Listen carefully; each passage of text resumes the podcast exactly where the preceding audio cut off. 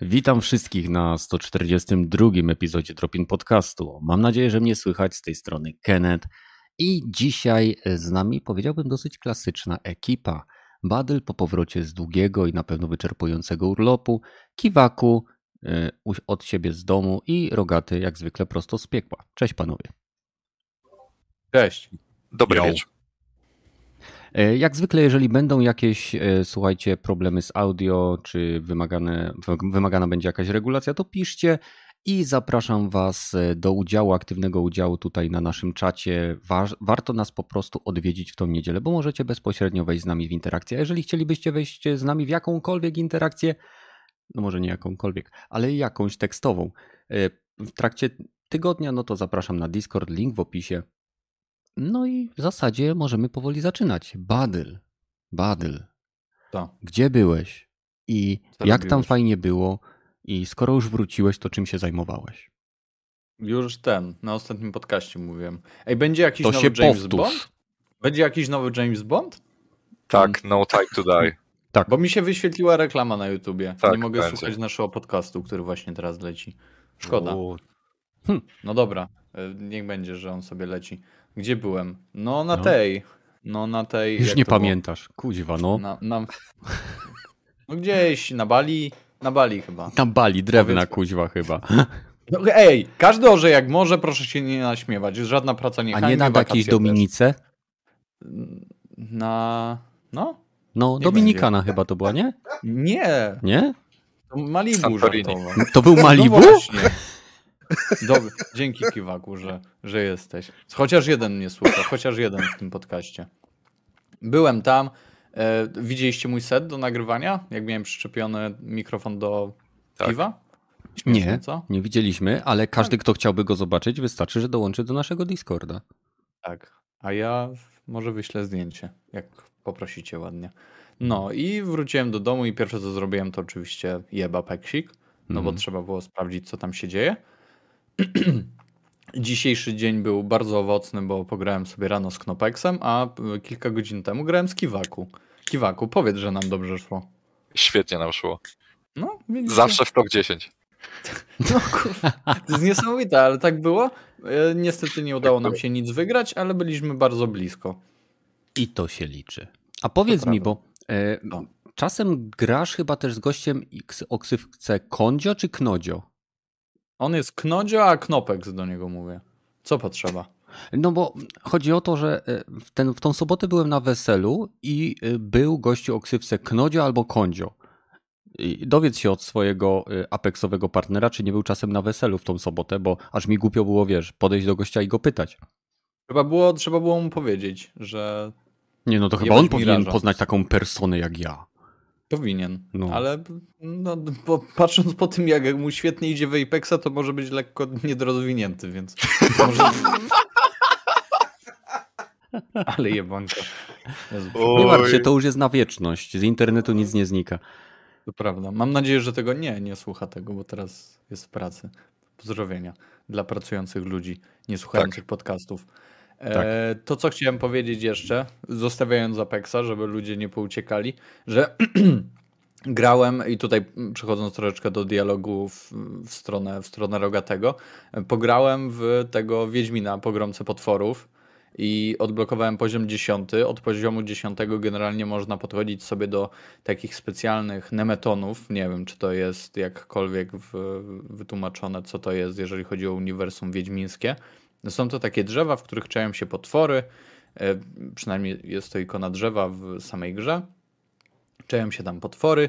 Masz trzy potwory do, pod rząd do, do zabicia. Ostatni jest takim, powiedzmy, najtrudniejszym. Mhm. E, po zabiciu tych trzech potworów, oczywiście, dostajesz doświadczenie, dostajesz to, co z nich wypada e, i dostajesz to, co najważniejsze, złote monety zawsze w ilości 50 sztuk. Mhm. I w ciągu jednego dnia możesz chyba do trzech takich, e, trzech takich nemetonów podejść i e, no i wykonać to zadanie, bo tam nieważna jest ilość prób, ważne jest to, że zdobyłeś nagrodę, czyli 150 złotych monet każdego dnia możesz sobie zdobyć z takiego nematonu, plus oczywiście gdzieś tam e, gdzieś tam możesz mieć zadania, te, te, te codzienne, te daily questy, czyli tam, nie wiem, zabić trzy potwory, użyj pięć razy petard i tak dalej. I około 200 tak naprawdę złotych monet, 200-230 możesz zdobyć każdego dnia grając. Mhm. Od tego dziesiątego poziomu, tak jak już mówiłem. Więc to generalnie już wygląda o wiele lepiej niż w przypadku, gdy mieliśmy same te, te questy mm, e, dzienne. I, I tak naprawdę od tego poziomu dopiero możesz jakkolwiek się poczuć, że, że, masz, że masz ten tę potrzebę chodzenia, nie? Bo te daily questy zazwyczaj jesteś w stanie wykonać nie wychodząc z domu, odświeżając sobie co, e, co chwilę aplikację e, i, i w ten sposób to robisz. A w momencie, gdy masz ten te potrzeby zdobywania tych monet, e, to jeszcze bardziej chce ci się grać, przynajmniej w moim wypadku tak jest e, w tego Wiedźmina. Mhm. Tym bardziej, jeżeli wokół swojego miejsca zamieszkania masz te nemetony, te, te drzewa. Ja mam e, gdzieś tutaj w okolicy mi się wyświetlają dwa, jeszcze nie byłem na, na spacerku, e, bo, no bo chodziłem tam po, tym, po tej wyspie. Czyli nemetony e... są punktami stałymi. Nie, tak, że możesz tak, je one... zresetować ich lokację. Właśnie nie. Właśnie nie. One są punktami stałymi, e, więc generalnie to, to mają być takie pokestopy troszeczkę, e, czy, czy nie te pokestopy, tylko te dżymy e, w, odpowiednio w, w Pokémonach, w tych Pokémon Go. I działa to w zasadzie, jest ok, nie, jest, nie stanowi to specjalnego mm, powiedzmy wyzwania, więc, więc chyba ok, chyba, chyba na tym to polegało. Niemniej to jest dziesiąty poziom. To jest bardzo dużo czasu. E, ty, ty Rogoty grasz od dnia premiery, nie? Nie wiem, czy jak, no, jak często. mniej więcej od, od, dnia premiery gram. Ale dalej nie masz dziesiątego poziomu. Dalej nie mam dziesiątego poziomu. I to jest bardzo dużo. To jest, to jest, to jest, to jest za długo. Jasne, tutaj nie, nie wiem, jak często odpalasz samą aplikację i jak często zabijasz te potwory, ale to jest moim zdaniem za dużo, bo to, co powiedziałeś przed podcastem, to za chwilę mm, jesteś coraz mniej zainteresowany tą grą, bo nie masz tego, tej gratyfikacji w postaci zdobywania złotych monet, których przypomnijmy, żeby zdobyć srebrny miecz, 1800 monet potrzeba. E, to jest bardzo dużo. Zdobywając 200 monet 230. od 10.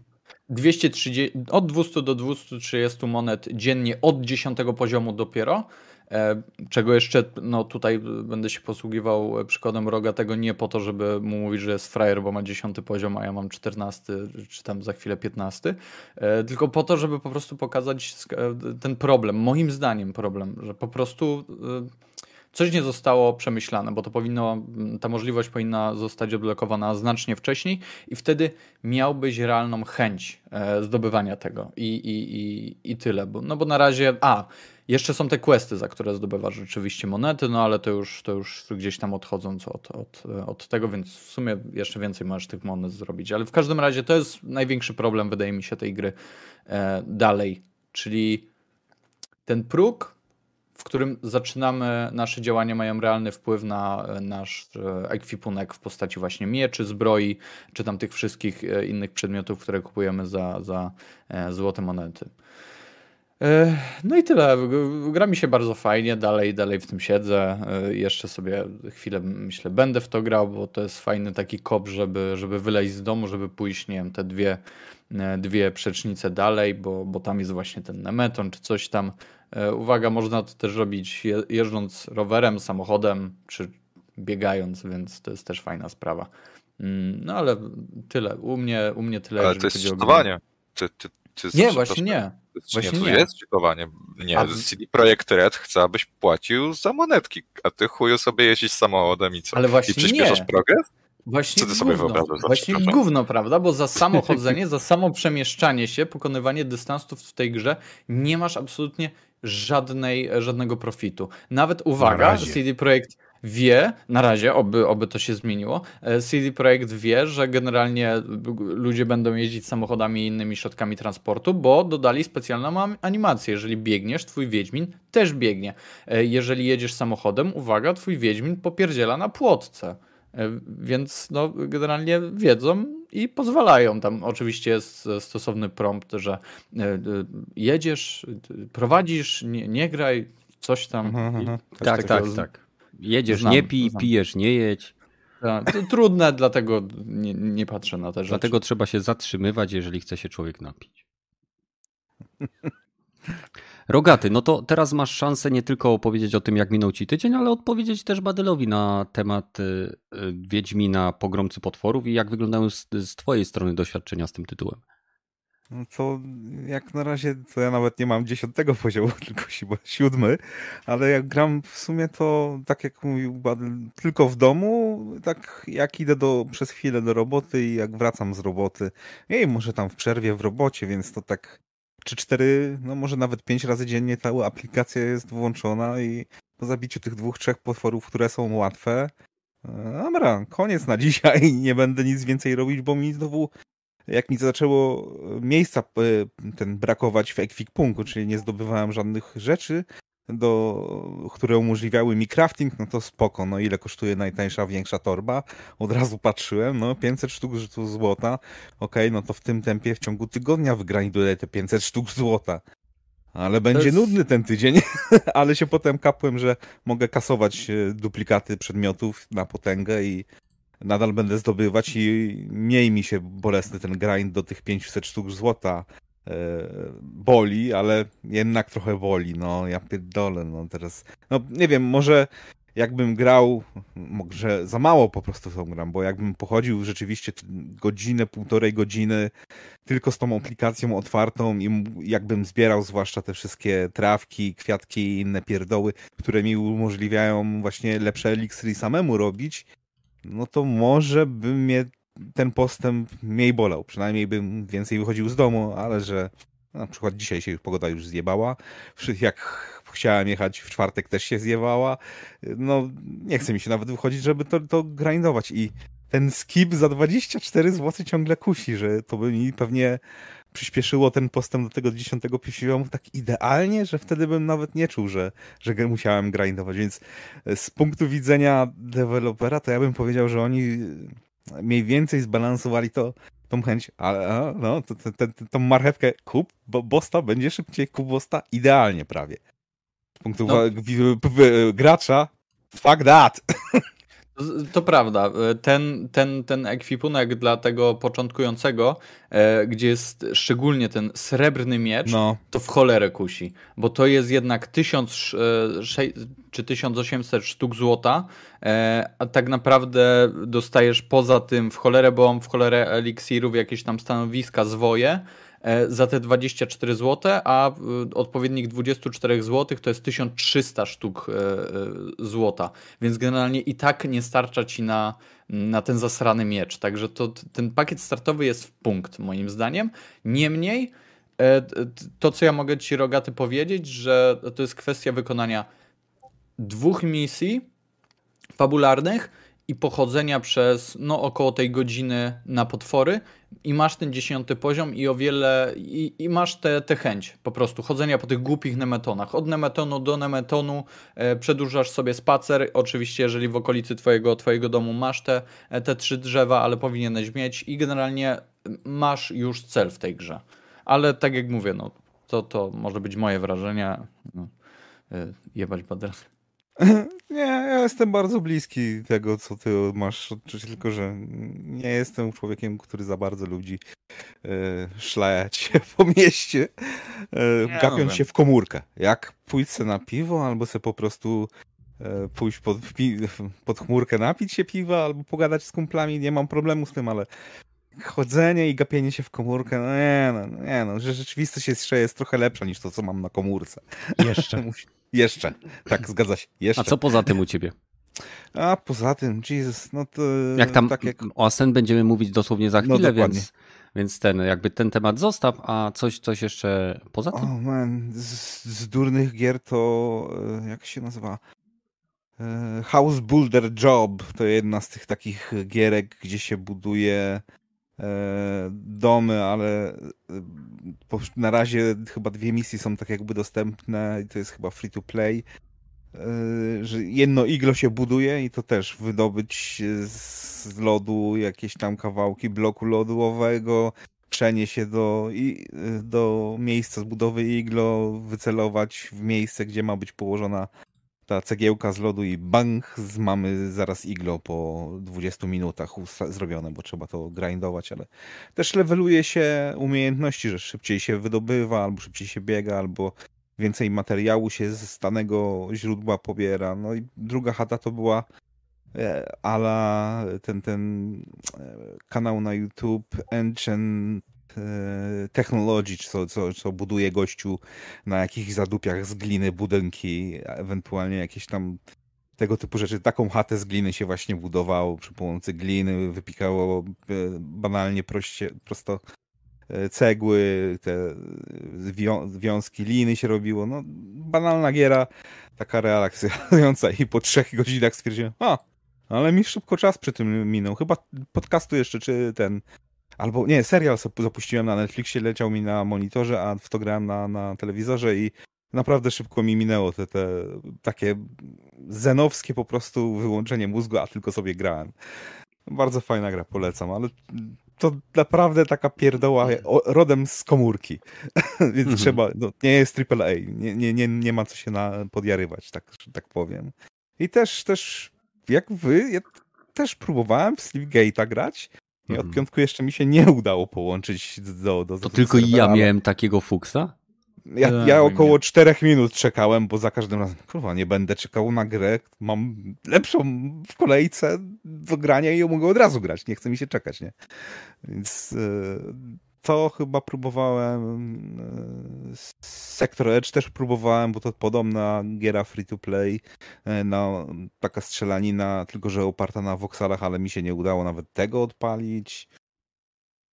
Rebel Galaxy Alt, e, Outlaw. Mhm. Próbowałem pro, pograć już jak to wyszło w Humble Bundle jakimś to, to było teraz kupiłem i wreszcie zapuściłem i nie, nadal mam trochę, bo grałem już to po premierze gdzieś tam właśnie na Epiku to miałem, czy jakoś tak. I nie, nie, nie zmieniła się ta gra na tyle, żebym chyba jednak chciał w to grać. Jednak biednie to w tej chwili wygląda w porównaniu z tym, co już jest w tej becie Everspace'a dwójki. Mhm, no ale mhm. to, to nie będę jeszcze, nie, pogram może w tego Rebel. Świetna, o, to najlepsza rzecz tej, tej, tej, tej, tej grze to jest muzyka. Ten soundtrack jest wyjebisty. Świetnie mi się to słucha właśnie takie um, oddzielnie, nie, nie grając z tą grą, bo to taka przyjemna muzyka do robienia czegoś albo aktywnego, albo treningu, albo jeżdżenia na rowerze. Polecam. To, to, to ta część gry jest zajebista. To chyba mhm. wszystko z takich a, y, popierdółek. A powiedz mi, bo rozmawialiśmy ostatnio, y, jeżeli masz jakiś update odnośnie swojego projektu związanego z rowerem, coś tam nowego się pojawiło? Chyba, że nie no... chcesz o tym mówić, to możemy przejść do kiwaku. nie, no akurat y, w sobotę siedziałem chyba ze dwie albo trzy, czekaj, od chyba 10 do 15 siedziałem przy tym rowerze, mhm. E, czy nawet trochę dłużej i no już tylnie koło, przednie koło zaplecione. Mogę tam wrzucić gdzieś na, na Discorda zdjęcie, bo akurat strzeliłem jedną fotkę.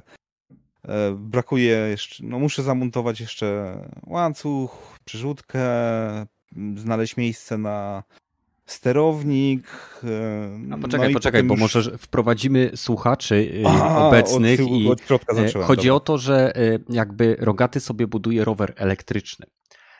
I to, rozmawiałem z nim na ten temat i sobie zamawia, zamawia tak jakby conversion kit, czy elementy, które pozwalają mu zamienić w zasadzie klasyczną ramę rowerową na rower elektryczny, więc jest to totalnie projekt do it yourself, tak? DIY?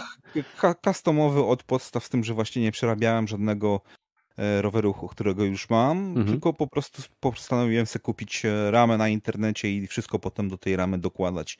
I oczywiście, jak idiota, troszeczkę more power zrobiłem niż to pewnie potrzebne jest i tak mhm. po, po, po sparowaniu na przykład tego tylniego koła z, z tym silnikiem E, popatrzałem na tą ramę, o ja pierdolę, mi się to złoży zaraz po, po, po odpaleniu na, na maksa, ale okej, okay, no, wtedy będę szukać tytanowych ram na AliExpressie, bo takie też mhm. szukałem, mhm. ale właśnie postanowiłem sobie poskładać, bo trochę pozastrociłem bracikowi, który ma już elektryka i też coraz więcej ludzi jeździ na elektrykach i o ile właśnie nie chciałem kupować nowego, bo takiego zbudowanego, bo a nie stać mnie, a B, sam sobie mogę zrobić bardziej dopasowany do mnie, Bardziej dopasiony to... chyba. I dopasiony Bo ty masz tam silnik ile? 3000 W? Tak, 70, no, no, 3000, 72 V, więc... Czyli około 75 km na godzinę zrobisz z palcem w nosie. No, jak będę miał pełne zasilanie, tak, to znaczy, no, ja może nie, bo trochę za ciężki jestem, mhm. ale jakaś lżejsza osoba, jakby była na tyle odważna i chciałaby to zrobić, to tak, to by się dało. Mhm. E, nie wiem, czy by rama to wytrzymała, tak jak wspominałem, ale powinno się udać. Wiesz co, nie, ja bardziej... Jeszcze, jeszcze tylko wejdę ci mhm. w słowo w tym kontekście, że też jakby zainspirowałeś mnie, żeby poszukać takiej opcji i wyobraź sobie, że znalazłem firmę, która spawa z aluminium customowe ramy e, specjalnie do fatbike'ów, e, tylko że problem jest taki, że one nie mają amortyzacji tylnej osi. A przy dużych no. prędkościach to jest niestety problem. Znaczy, tak, ale przy... dasz mi link, to po pierwsze. Dasz mi link. Tak, oczywiście, tego. że ci dam. Po, Mam dodany... po drugie, e, przy fatbike'u to ty na przykład tam maksymalne ciśnienie jest 30 psi i jak sobie nie napompujesz tego nawet więcej do 5, to ta opona tak ci potrafi amortyzować zajebiście, że przy tej prędkości i tak nie powinieneś jechać gdzieś w las czy ten. To, to mm -hmm. tylko na mhm. płaskim, bym powiedział, i na dobrej, prostej drodze. I wtedy przy takiej prędkości tych 65 km, bo tyle obstawiam, żeby się udało na moim wyciągnąć, to e, gładziutko się jedzie. Pewnie tak. Mam nadzieję. Dopiero jakbyś wpadł w polskie drogi, mhm. no to by był problem. No ale to wiesz, co, twoje ryzyko. No już też szuk, jakby ktoś chce robił, od razu niech sobie szuka kasku, bo to jednak mózg to, osta, to jednak ważniejsza rzecz. Mhm, mhm. I... A Rogat, tutaj no? ktoś pyta o, o, o koszta takiego, takiego zabiegu. Drogo. To są drogie powiem rzeczy. Tyle, e, powiem tyle. Rama około 500 zł mnie kosztowała, nawet więcej. E, silnik około 1500, sterownik z wyświetlaczem 600 zł i teraz mnie czeka jeszcze budowa skrzynki na baterię, co pewnie około 500-600 zł będzie mnie kosztowało i sama bateria, która przypuszczam od 1800, sama bateria, jeszcze sterownik BMS do tego około 250. Powiedzmy, że jeszcze 2500, e, 2800 będzie mnie kosztowało. Kurwa, to e, więcej same części elektryczne. Plus jeszcze oczywiście to, co w rowerze potrzebujesz, czy kierownik, kierownica, chwyty, łańcuch, przerzutki, siodełko. E, te, te części tyle, no to będą już mnie, bo to już wszystko mam podokładane, o 500 do 1000 zł pewnie będzie. Czyli może w szóstce, siódemce się zmieścisz. No mam nadzieję, że tak, bo w zimie będę mógł sobie na niego patrzeć i myśleć, czy, czy mogę go zjeść jakoś. nie będę miał pewnie kasy. Ale nie, projekt mi idzie na, naprawdę dobrze. Gdzieś tam na. Wrzucaj, wrzucaj na fotki na Discord, wrzucaj e, na jakiś kanał tam, e, bo, bo ja uwielbiam takie rzeczy, takie grzebanie i naprawdę też mnie zainteresowałeś. I powiem ci, te ramy aluminiowe pod fatbajki kosztują też właśnie, ta firma je robi od 400 zł chyba i są niemalowane, albo możesz zamówić malowaną, wtedy jest droższa.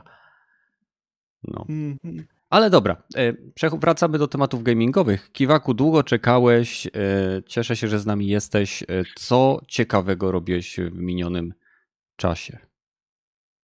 I teraz cała widownia wstrzyma oddech, kiedy usłyszy, że grałem w Apexa, tak? Eee. Ej, nie, Badl, Badl y, chwycił kolejnego. Straciliśmy go. Tak, tak. Mamy, tak, mamy to. To jest prawda. E, ej, nie, szczerze, nigdy nie sądziłem, że jeszcze kiedyś się wkręcę w jakiegokolwiek sieciowego FPS-a, bo mhm. dosłownie od dwóch lat nie grałem w praktycznie żadne gry sieciowe. Tak, od 2018 roku, kiedy skończyłem grać w The Division pierwsze, i w Titanfalla dwójkę, no bo już e, czasy oczekiwania były w tamtej grze no po prostu zbyt długie, przez co nie chciało mi się czekać na, e, na mecze. Mhm. E, no i nie wiem, tak po prostu z tydzień czy półtora tygodnia temu dla Beki sobie pobrałem Apexa, bo stwierdziłem, że po przejściu Assassin's Creed'a dwójki nie będzie mi się chciało od razu zacząć grać w Brotherhooda. Pograłem kilka meczy i miałem takie, kierwa, jakie to jest dobre i mhm. w ogóle nie spodziewałem się tego typu reakcji, bo ja tą grą byłem, w sensie byłem pozytywnie do niej nastawiony, e, kiedy mhm. ją ogrywałem na premierę, ale w życiu nie myślałem, że mogę się w to wciągnąć na dłużej. E, no to tak nie myślę. E, głównie ze względu na strasznie wolną prędkość odblokowywania nowych legend w tej grze, bo trzeba wbić dosłownie 20 leveli, aby, aby odblokować jedną postać i sądziłem, że to będzie dla mnie jakiś deal breaker. Ale e, pograłem teraz i prawda jest taka, że tak naprawdę wszystkie najważniejsze rodzaje postaci, jakie możesz potrzebować, masz już w tym darmowym, podstawowym składzie, e, do którego nie musisz grindować a cała reszta zawartości, czyli mapy, bronie i tak dalej jest za darmo. Mhm. E, więc tak, model gry jest, model monetyzacji gry jest jak najbardziej fair i szczerze mówiąc, po prostu gameplay loop jest tak satysfakcjonujący, że teraz nawet nie zwracam uwagi na takie pierdoły. Hmm. No, mówiłem, mówiłem. To nie jest tak, że no... jestem głupi. I tylko w to grałeś? Powaga? No, w sensie grałem też przed tym e, pobrałem tą aplikację Wiedźmina na telefon, tak? Mhm. Witcher Go, e, czy jakkolwiek się to tam nazywało. I szczerze, dla mnie się to skończyło po dosłownie dwóch dniach, bo zdałem sobie sprawę, jak bardzo ta aplikacja e, prosi cię o pieniądze, kiedy tylko próbujesz cokolwiek zrobić.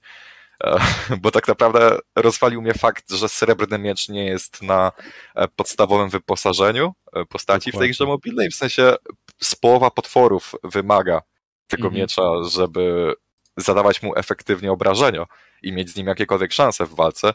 W walce, która swoją drogą nie jest zbytnio satysfakcjonująca, bo po prostu polega na tym, że jak głupi machasz tym mieczem, aby zadawać szybkie i mocne ciosy. E, więc tak, e, nie, nie wciągnęło mnie to ani trochę. I mhm. po prostu po dwóch dniach to odinstalowałem. No i później właśnie zdarzyła się ta sytuacja z Apexem i teraz jestem e, no, szczerze naprawdę mocno wciągnięty i nigdy nie sądziłem, że coś takiego, że hmm. coś takiego się wydarzy. Bardzo um, może ściągnę Apexa na... i będziemy grali w trójkę. E, z chęcią. W sensie na pewno prędzej zagramy w Apexa niż Splitgate'a, bo nie chce mi się czekać pół godziny, aż gra mnie wpuści do oficjalnego menu, nie? No tak. Bo oni mają teraz te problemy z serwerami. Od e, samego Gragi początku. Pisze, że no. Apex to Battle Royale, a nie FPS, Kiwako nie bluźni, ale Battle Royale to jest taki szerszy gatunek, w którym możesz mieć gry trzecioosobowe, pierwszoosobowe nie, i tak znasz dalej. Się, nie znasz się, w sensie, Ja wiem, że ja się nie znam, ale, ale to jest po prostu no, gra, w której masz taki stuosobowy deathmatch, tylko że z przedmiotami, które zmieniają twoje statystyki. Dokładnie. E, no. W sumie nie stuosobowy, przepraszam. E, to jest 60-osobowy team deathmatch, w którym masz trzyosobowe teamy. No, mm. powinienem. No. Więc tak. I to jest w sumie według mnie sporym plusem tej gry, że ona tak bardzo stawia na grę zespołową, ponieważ w Fortnite, PUBG i innych Battle Royalach, które grałem, one były o wiele bardziej nastawione na to, jak dobrze grasz jako jednostka, a w Apexie chodzi bardziej o to, aby utrzymać się do końca jako team, mieć dobre przedmioty jako team i ogólnie no, wspierać się jako team, w sensie wykorzystywać umiejętności w taki sposób, aby e, no, dać to taktyczną przewagę całej trójce graczy, a nie tylko sobie. Więc to jest naprawdę przyjemne w no tej tak. grze. Solo można sobie tam co najwyżej e, wejść i się pobawić troszeczkę, bo prawdziwy Apex to są trójki i tego się chyba no, nie przeskoczy. W sensie nie ma nawet trybu solo, są tylko duety i właśnie trzyosobowe mecze. Hmm. No, no i jest też arena, ale na niej też się gra po prostu 3 versus 3. Więc tak naprawdę każdy tryb w tej grze jest skupiony na teamwork i jeśli chcesz grać sam, no to musisz być albo tak dobry jak Battle, E, albo po prostu nie masz szans. Więc e, no, tak to. Tak no, przyznaję, e, Badel, Badel trochę wymiata. Nie wiem, co tam bierze, jakie energetyki pije, czy z jakich adapterów na klawiaturę i myszkę korzysta, no ale hm, jest dobrze. Nie, nie, nie, nie, serio mówię, bo dzisiaj mieliśmy taki jeden mecz, w którym, nie wiem, byliśmy na byliśmy jednym z 15 teamów, który został na mapie, nie? I w pewnym momencie ja i Random dosłownie padliśmy, zostaliśmy zdezintegrowani z mapy przez, mhm. e, przez przeciwny team, team a Battle sobie po prostu odbiegł na chwilę, później przybiegł, rozpieprzył gości, zbierał nasze sztandary, wskrzesił nas, no i było gites, ogólnie dobiegliśmy chyba do top trójki, więc zajęliśmy chyba trzecie miejsce, więc tak, e, koleś wykierował kompletnie, więc no. No, no nie, grałem z nim, wiem, wiem, wiem no, jak, no, e, no. wiem co on potrafi, powiedzmy tak. Nie zawsze mu no. wychodzi, ale jak mu wychodzi, to mu wychodzi. No, Jeżeli... Po tysiącu godzinach tym bardziej. Tak, to jest... No. Nie wiem, czy chwalić, czy nie wiem. Okej. Okay. E, teraz, e, jeżeli chodzi o mnie, no to miniony ponad tydzień byłem, niestety, no cieszę się, byłem na Litwie, tak, więc byłem w pracy, miałem pracę, za co mi zapłacą, będę miał pieniądze, więc jest super. E, byłem na delegacji, ale byłem totalnie oderwany od całego gamingowego świadka. Dlatego tak naprawdę do podcastu przygotowywałem się dzisiaj po tym, jak tak naprawdę, bo wróciłem w piątek, w sobotę jako fotograf byłem na weselu. No i dzisiaj sobie troszeczkę pograłem w Splitgate, co jest ogólnie bardzo dziwne, ponieważ Splitgate miał uruchomione serwery 30. Ale E, mimo tego, nadal dzisiaj każdy, kto próbuje się zalogować do Splitgate'a, dostaje informację, że serwery są wyłączone. Co cała społeczność tej gry, która już się w jakiś sposób uformowała, e, twierdzi, po prostu jest to fejkowy ekran, e, który ze względu na jakiś bug się wyświetla, ponieważ serwery działają, ludzie w tą grę grają. Wiem, bo mam nagrane prawie dwie czy trzy godziny gameplayu. Zresztą chłopakom pokazywałem na, na filmiki z nagrania i nie ma absolutnie żadnego, e, jakby, nie ma sytuacji, w której te serwery nie działają. Po prostu niektórzy mają problemy z dostaniem się na nie. A wszystko wynika z tego, że Splitgate miał swoją premierę na PC w Early Accessie czy w jakiejś innej formie jakiś czas temu. I gra nie zyskała na popularności, nie przebiła się. To jest połączenie tak jakby gry Portal z arenowym shooterem rodem z Unreal Tournament, czy e, Halo Combat Evolved, czy e, nie wiem, Quake. I tak naprawdę tam średnio grało 30-50 osób. Kiedy twórcy tej gry sportowali ją na konsolę, dając pełen crossplay, spodziewali się, że ta liczba skoczy może z 50 do 5 tysięcy. Niestety się przeliczyli i na grę, do, do tej gry na serwery próbuje logować się średnio około 100 tysięcy ludzi. Więc e, to jest gierka indie, co widać po samej oprawie graficznej, po tym, że na przykład gierka działa w wyjątkowo niskiej rozdzielczości, przynajmniej jak ja patrzę na to, nie wygląda to szczególnie najlepiej. E, prawdopodobnie ze względu na to, że każdy z graczy jest w stanie w rozgrywce multiplayerowej wystrzelić dwa portale, jak w grze portale od Valve i przez te portale może również obserwować inne perspektywy, więc tak naprawdę gra musi renderować i przesyłać informacje o wielu różnych viewpointach, czyli punktach widzenia do innych graczy.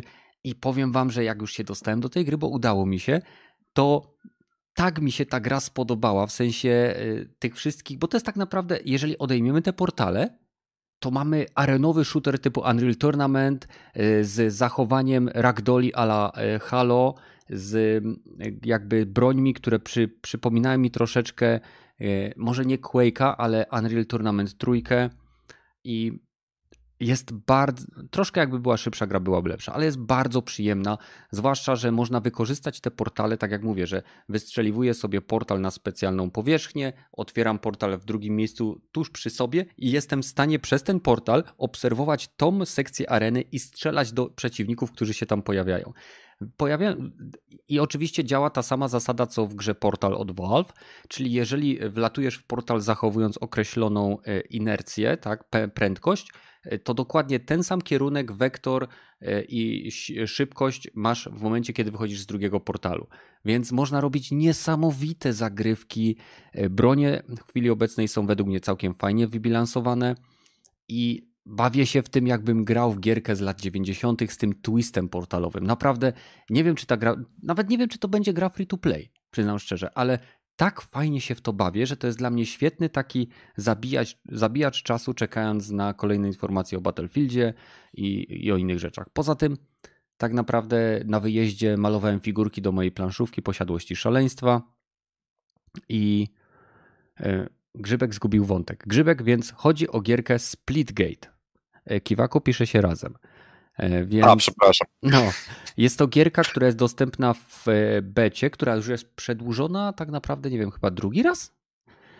I jest to tak. Arenowy shooter, który jest totalnie free to play i menu zerżnął z Fortnite'a połączonego z Apexem. To jest, jak, jak jeżeli uda wam się dostać do tej gry, to autentycznie jest to Fortnite połączony z Apexem, jeżeli chodzi o menu główne. No i, i, i tyle w zasadzie. No dalej to już mogę, będę mówił o e, Ascent, bo też miałem okazję dzięki Game Passowi zagrać w tą grę na PC, ale mm, nie wiem, Kiwaku, Battle, mieliście okazję? Odpakowałeś Battle w ogóle tego Xboxa? Odpakować Xboxa i Battle, wybierz jedno, naprawdę, wybierz jedno. Czyli nie. Trochę tak. Prędzej Switcha kupię i odpakuję niż niż odpakuję. O, to ci się tak. powiedziało, Mordeczko, to ci się powiedziało. Hmm. No tak, tak jest. Tak. Piwo mi się skończyło, ok. Odskładamy buteleczkę. Więc, no to będę teraz gadał w zasadzie z Rogatym, czekając na wasze pytania. Rogaty, e, grałem w tego Ascent. Jest to gierka, która na premierę była dostępna w Xbox Game Pass. E, nie wiem, jak u ciebie to wyglądało. Na mnie gra zrobiła niesamowite wrażenie wizualne. Mój laptop nie jest nie wiadomo e, jakim komputerem. Mam co prawda tutaj, co tu pisze, Intel Core i7 dziewiątej generacji i GeForce 1660 Ti. I jestem pod wrażeniem, że ten laptopik był w stanie otworzyć tą grę, co prawda w rozdzielczości Full HD, ale na ustawieniach ultra i trzymając średnio około 80 klatek.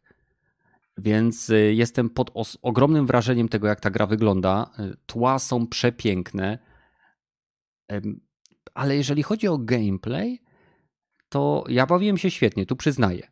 Ale widziałem recenzje i opinie i jakby materiały, które twierdzą, że gameplay jest powtarzalny i monotematyczny. Nie wiem, jak ty to widzisz, bo dla mnie ta gra jest takim shooterowym Diablo. I jak można się czepiać? Dlaczego nikt się nie czepia, że w Diablo gameplay jest powtarzalny, skoro cały czas napierdzielamy te same umiejętności, a do Ascenta się czepiałem? Czy myślisz, że to jest taki syndrom, że ta gra miała wyglądać ładnie i ludzie się e, jakby mieli zbyt wysokie oczekiwania do tej gry indie i dlatego się do niej dopierdzielają? Czy jest to spowodowane, nie wiem, czymś innym. Jak ty to widzisz? Jak wyglądały twoje pierwsze doświadczenia z tą grą i czy ci się spodobała i w ogóle? Okej, okay, e, od czego to tak, spodobała mi się, od tego zacznę. Pierwsze, dopiero wczoraj zacząłem tak to na poważnie grać, bo już miałem chyba zainstalowanie w dniu premiery, ale nie było czasu. Mhm. E, I wczoraj właśnie zacząłem na PC-cie, pograłem gdzieś jeden level, hmm, zobaczę jak to wygląda na XSX-ie. Odpaliłem, pograłem też ten sam jeden level, e, ale już tą samą postacią, bo od razu się te, te cross-save jest, więc się przetransferowało, mhm. ale nie od ostatniego punktu kontrolnego, tylko, tylko musiałem jednak tą misję zaczynać tak jakby od nowa. E, też pograłem na Xie i w sumie robiłem chyba tak jeszcze z 2-3 razy, żeby sobie e, porównać po prostu pomiędzy X. Wybrać sobie platformę, na którą będę chciał. I ciężki miałem wybór, bo u mnie na, na przykład w tym, tym z wszystkim włączonym na ultra i tym, nie wiem, nawet ray tracing mi się jakimś cudem włączył, mimo że moja karta tego nie obsługuje. Może hmm. dlatego mi trochę to działało gorzej niż na Xboxie, e, więc po, po paru usta- po, po kombinacji w paru ustawieniach chyba skalę rozdzielczości zmniejszyłem do chyba 80% i zaczęła grać tak na tyle płynnie, że okej, okay, jednak zostaje przy PC-cie. Może myszka i klawiatura bardziej mnie przekonały. Poważnie, bardziej... przepraszam, że ci wejdę w słowo, bo dla mnie sterowanie myszką i klawiaturą jest w cholerę niewygodne, bo to jest taki twin stick shooter, gdzie jakby masz wsad do chodzenia na klawiaturze i myszką się obracasz. I nie wiem dlaczego, ale ja chciałem na początku jak w Diablo grać, wiesz, myszką pokazywać, aha, gdzie aha, ma iść hmm. i, i napierdzielać, a tutaj nie wiem dlaczego, ale to sterowanie na klawiaturze, jeszcze te dodatkowe przyciski jak granat, Q, E, F, e, jeszcze kucanie jest w chuj niewygodne. Na, mam wrażenie, że na padzie by mi się grało wygodniej, ale... A no właśnie, e, też miałem, no, też miałem na początku, no może jednak na padzie będzie mi się grało to lepiej, ale na, po prostu na klawiaturze tak to dynamicznie się dzięki temu sterowaniu, że mam ten, tak jak mówiłeś, WASD plus e, Q na jedną umiejętność, E na drugą umiejętność, granat na G na granata tak. i spacja na uniki, tak. to dzięki temu, że mam jeszcze myszkę i tak szybko mogę obracać swoją e, tam, gdzie celuję, jak się właśnie już postać troszeczkę podbije, zwłaszcza tę celność strzelania, to, to normalnie jak strzelam z karabinu, co ma 40 pocisków, e, co w chwilę robię jakieś przewroty, e, właśnie chowam się za osłonami podczas przeładowywania i kucam, żeby nie mogli do mnie, do, tego, do mnie strzelać, to to robi się naprawdę zajebiście dynamiczna giera dla mnie. Aha, Mniej czyli... więcej tyle, ile e, no, pierwszy dum Aha, czyli chodzi tutaj o to, że jakby, bo no wiadomo, na padzie e, jakby ten celownik lata wokół postaci, czyli tyle, ile go e, na, na półkolu wykręcisz, to tak z taką szybkością jedzie. Ale to nie ma na padzie takiej, bo przyznam szczerze, nie podpinałem pada. Grałem dzisiaj może ze 3 godziny czy coś takiego.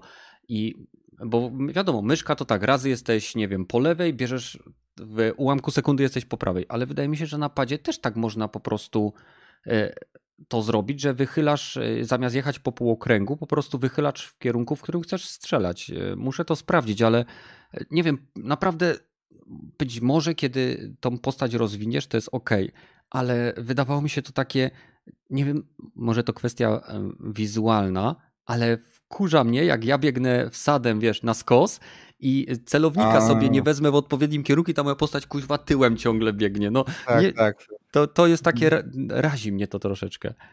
No, ale ja po prostu, szczerze mówiąc, na postać mało zwracam uwagę, bo po, patrzę po tym świecie i już, już na samym początku te, te e, stare takie E, już oklepany motyw, że się wentyla widzisz cień wentylatora, tak. E, który się kręci i widzisz tylko cień, który pada na ten, na ten. O, w mordę, jak to fajnie wygląda. No nie, taka podjarka miałem, że sobie biegałem wokół tego cienia tak z 5 minut. Mhm. Potem e, druga rzecz, co, co, co mnie no, normalnie nie wiedziałem, co się stało, to jak drugą umiejętność odblokowałem, która powoduje, że zaznaczeni przeciwnicy eksplodują jak pineata, robią się z nich baloniki i eksplodują. To jest bo jak pierwszego tak gościa załatwiłem, to, to co się stało, kurwa? Co, co, co to było? To ja to zrobiłem? Czy, czy, czy ktoś inny? Normalnie tak mnie to rozjebało, dopiero za drugim czy trzecim razem y, y, skapłem się, aha, to jest moja umiejętność, to ja to tak zrobiłem. Im więcej osób w zakresie tej umiejętności, tym więcej ich zaznaczonych będą, którzy jak zabijesz jednego, to on eksploduje i zabija wszystkich w oku i to taka reakcja łańcuchowa, że oni też zaczynają eksplodować mm -hmm. i masz mhm. taką fontannę flaków wnętrznych wnętrzności jak kości. starego. jak w Falloutach. No, no, no normalnie jakbym tego In Invincible e, oglądał, ten, ten, mhm. mi, ten, fragment z metra, jak, wiadomo, jak ktoś wie, to wie o co chodzi. Wiem o co chodzi.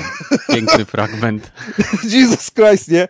I, i, i dobra, już pogra mam tą umiejętność długo już odblokowaną i trochę okej, okay, no, jako taktyczna e, umiejętność jest fajna, ale jeszcze mi się jeszcze mi się nie znudziło to, jak oni to eksplodują. Nie, no te, te, ten force punch taki, co jak za dużo ludzi chce do ciebie podbiegnąć, to można też ich rozczłonkować takim mm. uderzeniem y, z, z, ręki. To jest na tyle taktycznie też, nie wiem, nie ma y, poziomu wyboru trudności, a jednak dla mnie jest balans zajebisty, że jednak jak nie będę y, jak tak przy jakby... twin stick shooterze, jak w takim shooterze tak. arcade. Jak nie uważasz, to cię rozpierdzielą. To, to, to, to cię rozpierdolą, ale też mnie właśnie zaskoczyli, że przeciwnicy taktycznie bardzo się zachowują, że ja jeżeli mam wrzucone tylko na wsteczne i pozwalam im, żeby mnie, e, mnie gonili po krótkim tunelu, mhm. to oni, nie, fuck you, uciekamy i wracamy do swojego punktu spawnu i jak uciekają, to zauważyłem, że mniej damage'u zbierają, więc teraz ty ich musisz gonić. No właśnie, ja I... też to zauważyłem, że y, no już na samym początku, nie wiem, czy też tak miałeś, E, ale ja e, zauważyłem, że właśnie jak oni wychodzą poza swój spawn area i cię gonią, to później jak im bliżej są swojego punktu odrodzenia, tym więcej damage'u dostają, ale jak wyjdą za pewien obszar, to ty nie zadajesz im w ogóle tego damage'u. Mm, I, mm, I, druga no. sprawa, którą zauważyłem, że y, nie wiem jak z przeciwnikami, którzy są y, bardziej humanoidalni, ale te y, bestiowate, z, Be, bestiowate no, no. mają problem z nawigacją w najprostszym otoczeniu. I nie mówię, że wszystkie, tylko jeżeli akurat mobek biegnie i na, na tle jego jest ten terminal, który na przykład służy do otwierania tych drzwi. Wiesz, że musisz albo schakować, albo nacisnąć F, żeby otworzyć dalsze drzwi, to on potrafi się dosłownie na sekundkę, dwie przyblokować i dopiero po chwili jakby, wiesz, gdzieś go tam e, spycha, spycha, spycha i przebiega obok tego. Psuje mi to troszeczkę samo doświadczenie z tej gry. Mam nadzieję, że później będzie ciutkę lepiej, ale nie wiem, bo ty grałeś więcej, to przeciwnicy ci uzbrojeni też mają takie problemy czasem z nawigacją w otoczeniu? Czy to jest kwestia tych y, prymitywów? Wydaje mi się, że te prymitywy, bo przeciwnicy te E, humanoidalni ludzie, to już na przykład bardzo często się za osłonami chowają i zachowują się jak typowy taki bardziej inteligentny mhm. przeciwnik z cover-up shooterów. No, ja bym powiedział, że jak, jak, zauważ, jak, jak na razie to uważam, to więcej mają inteligencji niż na przykład z tej polskiej gry e, przez Square Enix. Tak, przez Outriders. Już zapomniałem, jak ta gra się nazywała. to tak, tak zapadło mi w pamięć. E, więc e, im mniej właśnie takie schematyczne się wydają te areny, bo jednak ten duży e, level jest na tyle zróżnicowany, Bo tak tam każdy przeciwnik ma swój poziom napisany obok ksywki, tak, ma, nie? ma poziom, ma poziom. Więc w jednej grupie możesz mieć przeciwników pierwszego, drugiego na przykład i piątego poziomu, nie? Tak, tak. Czy jak no. grałeś, to zauważyłeś, że na przykład y, lepiej wtedy robić priorytet z tych silniejszych, czy y, raczej nie miało to znaczenia? Hmm, raczej miało znaczenie w sensie, no, z dwoma tymi podstawowymi, jedni ci gonią, drudzy strzelają z daleka, to no to raczej się rozprawiać z tymi, którzy biegną bezpośrednio na ciebie, a dopiero potem ci, ci co strzelają. Z tym, że później już miałeś misję, gdzie musisz odpowiednich przeciwników z wyrzutniakami rakiet. Znalazłem też nie, niepotrzebnie weszłem do rejonu, do którego byłem e, underlevelowy, za mało mm. miałem mhm. poziomu i tylko jak zobaczyłem przeciwników, to e, czaszki nad ich głowami, 20 poziom, a ja chyba tam dopiero 10 i mnie rozwalali po jednym strzale ale też e, widziałem przeciwników, którzy ewidentnie jako boss, z bossami się e, walczyli, czyli customowe do cutscenki praktycznie była przedstawiająca ich i tam już mieli inteligencję takiego dobrego skryptowania walki z bossami, że dobra jest ten e, moment ataku taki telegrafowany i wtedy trzeba unik zrobić, zajść ich z boku i atakować, ale że ich jest dwóch, więc trzeba ta, tak, tak szybko się poruszać wokół nich, żeby nie dać się jednym z tych uderzeniem ich młotów y, trafić, bo to fala uderzeniowa cię przewróci i wtedy będziesz miał kilka sekund, twoja postać też będzie musiała wstawać. Jest taktycznie to na tyle y, zaawansowane, że nie, nie trzyma się tylko właśnie tak jak trochę da, za dawnych czasów jednego guzika na Diablo, 1, 2, 3, 4, lewy, prawy, 1, 2, 3, 4, lewy, prawy. Tak jak w Diablo, tutaj jednak trzeba tą postacią się bardzo dynamicznie zachowywać, żeby cię nie zgnoili mhm. przeciwnicy. Przynajmniej e, takie na razie mam wrażenie. Powiedz mi, czy obserwując to, co robi Ascent z gameplayem, wiadomo, tu mamy więcej shootera niż faktycznego walki, niż, niż walki w zwarciu. Ostatnie gameplaye z Diablo 4 też pokazywały, że postać będzie mogła robić uniki, nie wiem, doskoki i będzie coś, co mam wrażenie, że w takich grach, które e, teraz mamy, jak Volcen, jak e, Lost Ark, jak właśnie Ascent, mamy nie tylko ten e, izometryczny rzut, który obserwujemy jako gracze, ale bardzo często kamera przemieszcza się z tego rzutu, aby pokazać nam jakąś sekcję związaną z otoczeniem, z jakiś background, który akurat Ascent wygląda, te backgroundy po prostu, ja mam wrażenie, nie wiem, czy też masz podobnie, ale mam wrażenie, jakbym e, momentami grał w gierkę, kiedy te tła były renderowane i takie stare CRPG, które miały mega mikro detali, które tak naprawdę, nie wiem, nie były animowane, były tylko tłem, ale były wyrenderowane i były możliwe dlatego, że nie były 3D, były tak naprawdę takim 2D. E, I nie mówię tutaj o e, gierkach w stylu cyberpunkowym, tylko o gierkach takich jak na przykład, nie wiem, Baldur's Gate, takich jak nawet Fallout, gdzie wchodziłeś w lokację i byłeś w stanie dostrzec na e, ścianach, nie wiem, drobne rurki, jakieś kosze na śmieci, jakieś pierdoły. Tego w Ascend jest mega dużo, ale to jest według mnie podbudowywane i bardzo mocno jakby e, wspierane przez e, te, to, co dzieje się w tle. Niejednokrotnie, nie wiem czy zauważyłeś, czy na pewno zauważyłeś, jak się wchodzi po tym mieście, czy jakichś lokacjach, idziesz z jakiejś lokacji, wchodzisz piętro wyżej, piętro wyżej i tak dalej, a w pewnym momencie widzisz tą lokację, którą widziałeś trzy poziomy niżej i tam nadal się coś dzieje, nadal to jest jakiś taki żywy, trójwymiarowy, faktyczny świat, a nie tak jak mamy na przykład w Diablo Trójce, gdzie mimo tego, że okej, okay, mamy y, ten rzut izometryczny, od czasu do, do czasu dojdziemy do jakiegoś urwiska i widać jakieś pierdoły na dole, to wszystko to nadal dzieje się w takiej dwuwymiarowej płaszczyźnie. Jakie są twoje wrażenia z tego jakby wizualnego aspektu Ascent? O, nie wiem jak oni to zrobili, bo to podobność 12 osób robiło tylko ten, tą gierę, ale tak jak gdzieś tam pisałem, że dla mnie to jest e, triple I, czyli potrójne indie. To na tym samym poziomie, co, co AAA wydają miliony dolarów na właśnie asety i budżet i przedprodukcję, a oni to zrobili w 12 osób i nie sądzę, żeby więcej niż 10 milionów na to wydali, bo pewnie im E, trochę kosztowało budowanie takiej, ta, takiej ilości detali na, na, na, na tak wysokim poziomie, że no, szczena opada. No, oni też wiedzą, że mają po prostu y, dobre asety i potrafią się skupić na nich w taki sposób, że ta, tak jak było już w tych, tych właśnie trailerach trochę widać, ta perspektywa podczas gameplayu potrafi się zmienić na tyle dynamicznie, że pokazają te takie sceny właśnie w oddali które budują niesamowitą klimę, że, że gdzieś tam widziałem, że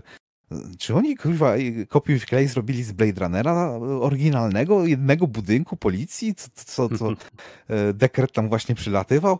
No nie, no chyba tak, albo nie, no nie wiem, będę musiał kiedyś to popatrzeć, sprawdzić dokładnie, ale y, wszystkie te mm, stylistyka, te, te art direction, jakby to nazwać, jest na najwyższym poziomie i wszystko się trzyma kupy. To mi się najbardziej podoba. Dbałość o szczegóły i to, że e, wszędzie neony są, że te, te odbłyski światła współpracują, ale nie, nie też to, że brud jest wszędzie, śmieci porozrzucane, i to wszystko się klei, nie, nic nie wystaje jak e, z, nie wiem, z zielonego drzewka jeszcze nie spotkałem takiego, że what the fuck is this? To zupełnie nie pasuje do tej okolicy albo do tego stylu.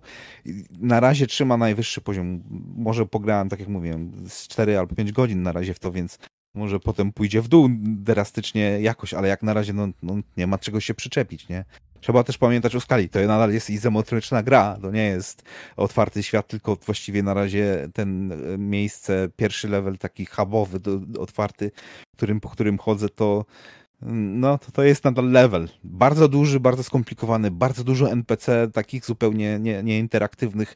Jest tam co chwilę się wpada na nich i się o nich obija i oni się przewracają, takie jakieś inne pierdoły, że rzeczywiście ten świat wygląda jak tak, jak żywy, tak jak mówiłeś, jak bardzo żywy, jak realistycznie działająca e, mega struktura, którą właściwie po której chodzimy. No, no, tylko że nigdy nie mieliśmy takiej mega struktury, więc ciężko porównać, więc e, okej, okay, to zupełnie wierzę w to, że to tak może wyglądać w bliżej nieokreślonej przyszłości, w bliżej nieokreślonym e, świecie, nie? Naprawdę A... autentyczność tego jest niesamowita. A powiedz mi, bo próbowałem znaleźć informacje, nie udało mi się. Z tego co wiem, cała gra jest handmade, nie ma tam proceduralnej generacji, nie?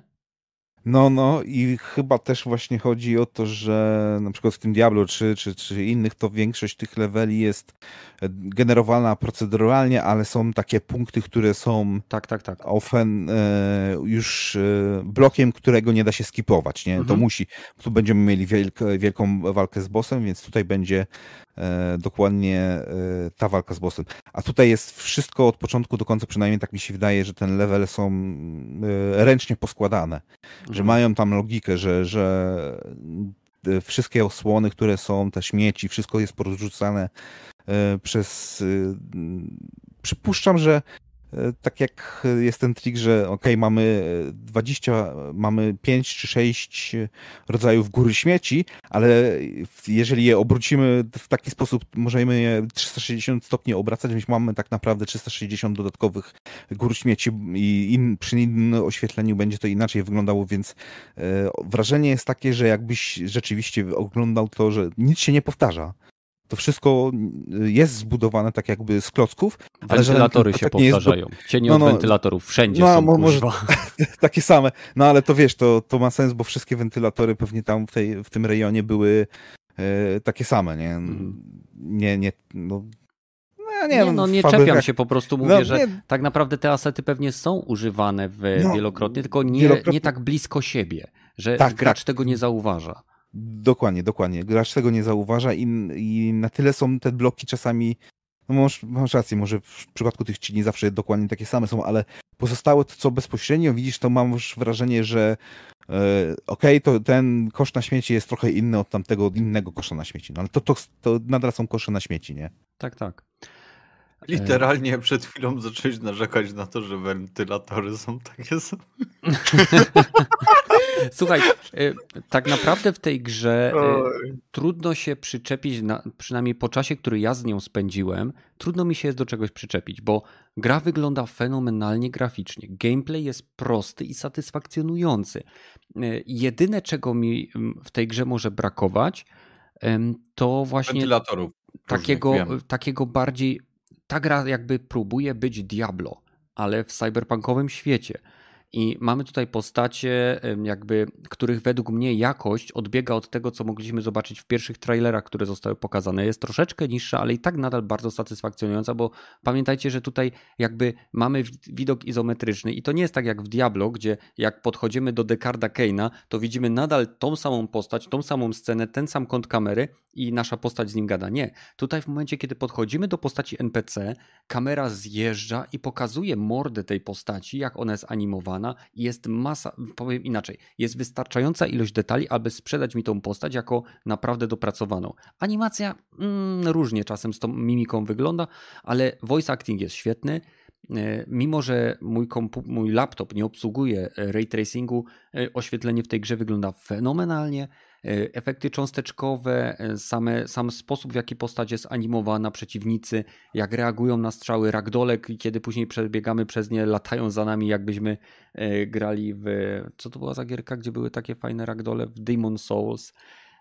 I gra jest bardzo satysfakcjonująca. Jednak, jeżeli ktoś spodziewa się, że będzie to Diablo to ta gra nie jest tak rozbudowana. To nie jest ten poziom produkcji, to nie jest ten poziom e, jakby dopracowania wielu detali, ale liczę i mam nadzieję, że sukces, który, który ta gra niewątpliwie odniesie na Xboxie, między innymi dzięki Game Passowi, sprawi, że wydawcy tej gry zyskają taką ilość hajsu, żeby mogli rozbudować ten świat jeszcze bardziej, bo naprawdę chciałbym e, mieć na podorędziu taką cyberpunkową alternatywę dla Diablo, bo w chwili obecnej nie mamy nic takiego. Najbliżej tego wszystkiego e, są e, gierki Diablo podobne ze świata Warhammera, czyli nie wiem, to będzie Inquisitor Martyr albo, ale to nie jest tak naprawdę cyberpunk, to jest taki wiadomo, Dark Future czy, czy, czy coś w tym stylu.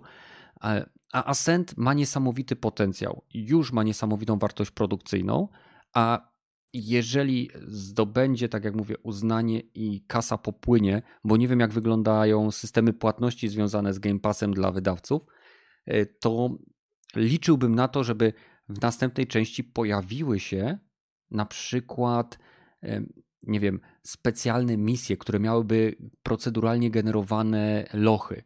Bo mi ta gra bardzo się kojarzy z Necromundą. E, tak, Necromunda to jest to wielkie miasto. Tak. Mhm. I to jest ta, jeżeli graliście w Necromundę, to to jest izometryczna dla mnie Necromunda. Wiadomo, nie na licencji, ale z tym mi się to kojarzy. No. Mm. Ja mam pytanie. Dajesz. Nikt nie pytał, ale, ale ja mam pytanie.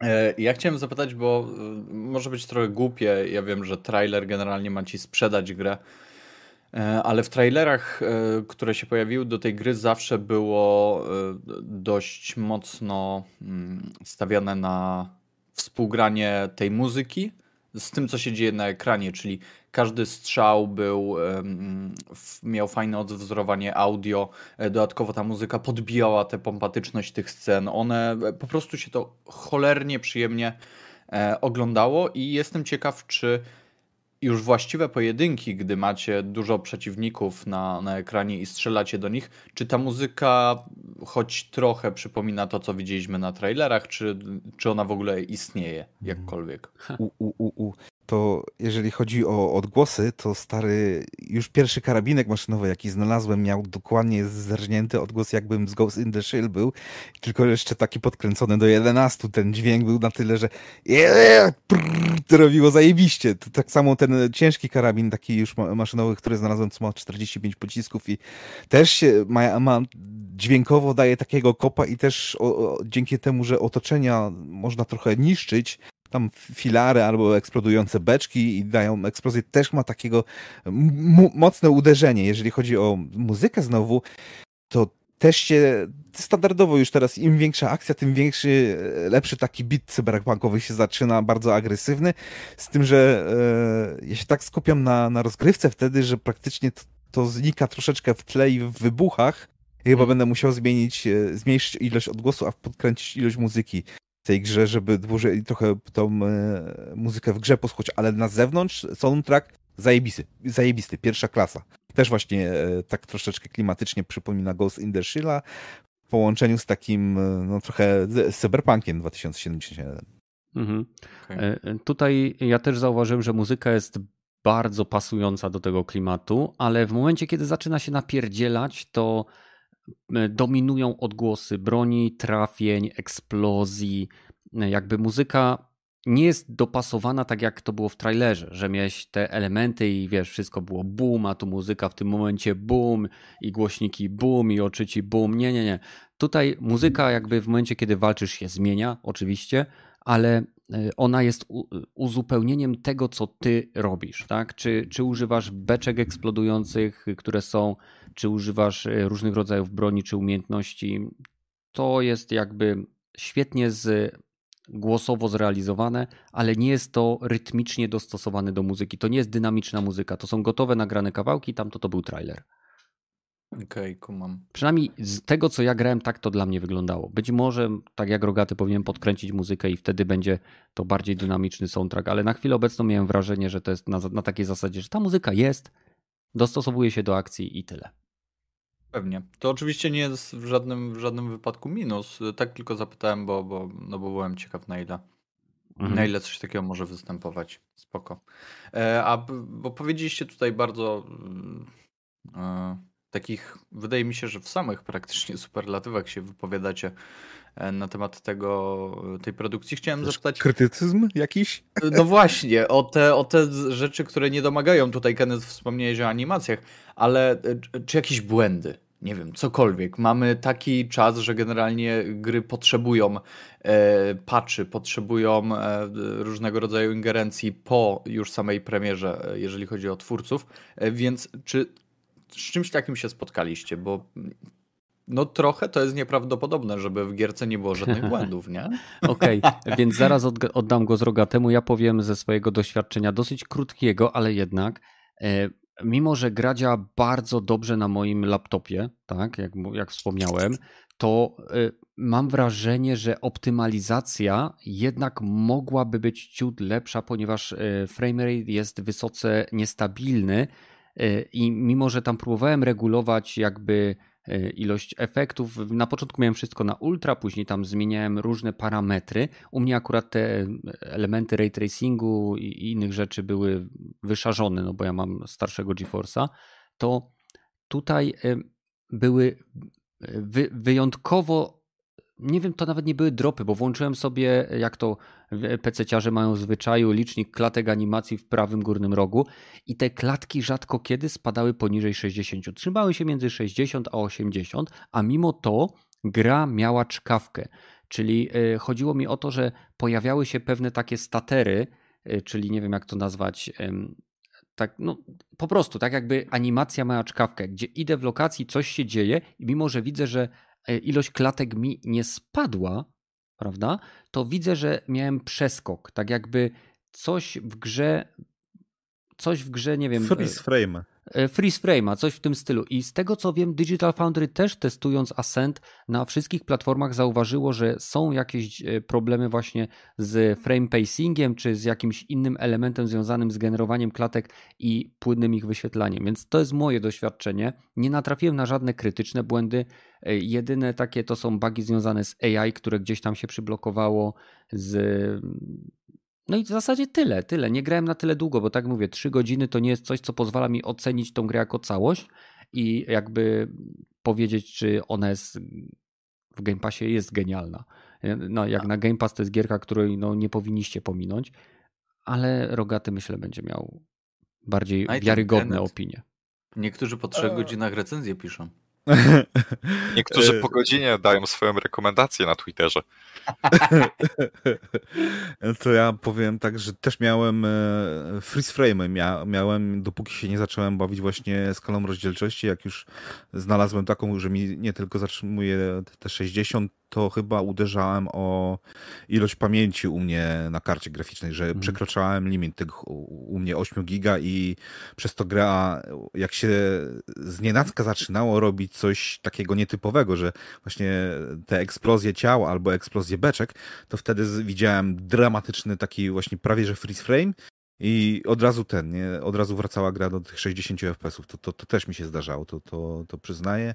Drugie to ale to, to można cię to przez pryzmat tego, że ja głupi jestem i nie wiedziałem o co chodzi w jednym subquestie i zupełnie nie, nie potrafiłem rozkminić, że poszłem do lokalizacji, zabijam przeciwników, no ale o co wam chodzi, że jakieś przeładowanie, yy, mam użyć jakiegoś tam przeładowania, czegoś w tym, okej, okay, no mam to, używam tego, no nie zabiłem jeszcze niego i dopiero potem jak weszłem na YouTube się okazało, że a, ja mam innego rodzaju przeładowania używać. A, i, i, no ale to wiesz, to, to albo było źle rzeczywiście wyjaśnione, albo ja po prostu głupi jestem, nie zauważyłem tego, że mam innego rodzaju umiejętności. Resztę, o co bym mógł narzekać, też chyba dopóki się nie dojdzie fabularnie, że, że można użyć metra, to się nie da go użyć, mimo że na mapie masz zaznaczone, że to jest metro i możesz e, fast travel tym metrem robić i kurwa, biec znowu tam te, w te miejsce muszę, mimo że już tam byłem i widzę ten znacznik metra niedaleko.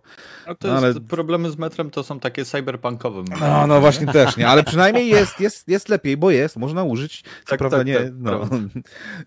E, I, I też nie miałem, to słyszałem znowu też z tego Digital Foundry, że jednak loadingi na starej generacji X-ów to 2, 3, 4 minuty trwają, więc tak. no, a u, a u, mnie to od razu umieram, naciskałem OK i od razu wracam do, do, do gry. Tak. No to, to, to jednak ja bym to grał jednak na nowej generacji, ewentualnie na dobrym komputerze z dobrym SSD. SSD to jest y, must have do tego do, te, do tej gry, bo... Znaczy, potem, potem jak już się załaduje, to nie widzi z tego, co, co Digital Foundry pokazywało, to to jest grywalne, ale skok pomiędzy innymi generacjami, jeżeli chodzi o ładowanie, to jest, no jeżeli już kiedyś pracowałeś na komputerze, tak jak to e, z SSD, to potem jak wrócisz do zwykłego HDD, to chcesz sobie podciąć żyłę normalnie, tak to czemu to tak wolno działa, nie? To, Niestety tak to, to, to jest. To, to jeżeli jeszcze nie masz nowej generacji, to raczej nie graj, nie, nie zaczynaj grać na nowej generacji, bo jak wrócisz do starej, to będziesz chciał się zabić. Albo kupić szybciej tą e, konsolę, którą ci, na której ci zależy. Mhm. Odnośnie konsol, na których nam może zależeć, nie wiem czy słyszeliście, były ostatnio przecieki odnośnie Xbox Streambox. I, I, jest to, ma to być podobno malutki Xboxik, który będzie pozwalał korzystać z, przy dowolnym telewizorze z połączonym padem z Xbox X Cloud y, no tak naprawdę dowolnej maszynie, tak? On będzie wszystkim się eee, zajmował. Google miało chyba taki pomysł. Jak on się nazywał? Stadia czy coś w tym stylu? Tak. Było. Tylko, że Xbox jest było. już, wiesz, znaną marką i ma Game Passa, a Stadia e, nie dość, że im płacisz za usługę, teoretycznie to jeszcze musisz kupować kuźwa u nich gry. Jest tak jakby, jak stawiasz przed klientem dwie bramki, w których musi płacić, to e, przy którejś bramce się odbije. No, przy tej drugiej. Tak, zazwyczaj. Ten inteligentny się odbije przy tej drugiej. Dobra. E, generalnie chyba polecamy Ascend. Jeżeli ktoś ma dostęp do Game Właśnie... Passa, to ja jak najbardziej. Podoba mi się gra, ja podoba mi się to, jak e, zbierany lód wpływa na wygląd postaci. E, te naprawdę te elementy, które się zakłada, są fajnie zaprojektowane. Czy się zbierze jakieś cyberokulary, które autentycznie widać je na postaci i kabel biegnący gdzieś tam wokół jej szyi do jakiegoś zasobnika przy pasie. E, jest masa detali, których zazwyczaj nie widać w tego typu grach. E, I dlatego uważam, że teraz ta następna generacja luterów będzie bardziej zbliżona do tego, co mogliśmy tak naprawdę ładnych nie wiem, dwa lata temu zobaczyć w Wolcenie czy w Lost Ark, w tych e, koreańskich czy e, orientalnych luterach, które bardzo zaczęły się bawić nie tylko ilością detali na postaci, ale także pracą kamery. Więc wydaje mi się, że zarówno Diablo 4, jeżeli zdecydujecie się zakupić tą grę, mimo tego, co się dzieje w Blizzardzie, czy właśnie Ascent, są takimi zwiastunami czy awatarami nowej generacji ty, tych izometrycznych gierek i ja osobiście polecam. Hmm, po całych trzech godzinach gry. No, to ja trochę dłużej i też, za, też mi się naprawdę ten trend zaczyna coraz bardziej podobać. Mhm. Też już marzę o gierach właśnie z dużymi robotami, z taką ilością detali, też z izometrycznego punktu, punktu widzenia, żeby ktoś zrobił. Battletech, jakby to właśnie taki nowoczesny był, to bym się nie obraził. Microsoft, słuchasz? Róbcie coś z tym, bo kurwa macie licencję na to. Słuchaj, jak jesteś zaszczepiony, to Bill cię zawsze słucha. I przechodzimy teraz do kolejnego tematu związanego z konsolą Microsoftu i PC-tami. Co to się dzieje? Co się dzieje z The Robin Podcastem? E, będziemy rozmawiali troszeczkę o technicznym teście e, Halo Infinite. Mówimy oczywiście o, o trybie multiplayer, e, który mimo swojego początkowego, że tak powiem, szorstkiego startu, nie wiem, czy nie przewidzieli, że tylu ludzi się rzuci na tą grę, miał problemy tam z dostępem, teraz działa w miarę stabilnie. Mamy do, możliwość przetestowania y, map, które są w pewnej rotacji i możemy walczyć z botami. Podobno właśnie 343 Industries testuje tutaj cały, cały setup czy system związany z sztuczną inteligencją botów trenuje je tak naprawdę na osobach, które dostały się do tej bety. Z przykrością muszę stwierdzić, że ja na PC się nie dostałem do, tej, e, do, tego, do tego testu, ale tak jak mówię, no, starałem się pochłonąć jak najwięcej wiedzy na temat tej gry e, i jestem pod wrażeniem tego, co widziałem. Oglądając to, czułem się, jakbym e, troszeczkę widział Combat, Halo Combat Evolved, co prawda wtedy grane na split screenie ze z moim kumplem, ale nadal widać, że gra jest szybsza, widać, że oczywiście więcej ale nadal są te fajne rzeczy, jak w momencie, kiedy zabijesz gościa, który akurat wyskoczył, to on się zamienia w takiego pięknego ragdola i leci dalej. To są takie rzeczy związane z Halo, które e, osobiście mi się bardzo podobają. Time to Kill wydaje się być też całkiem spoko, pasujący do serii Halo. Mam nadzieję, że testy pójdą, że tak powiem, no, e, no pójdą. płynnie i sprawnie. I y, pamiętajcie, że to będzie multiplayer, który będzie dostępny za free dla posiadaczy PC-ów i, i, konsoli Xbox, więc to jest w ogóle win-win, nie?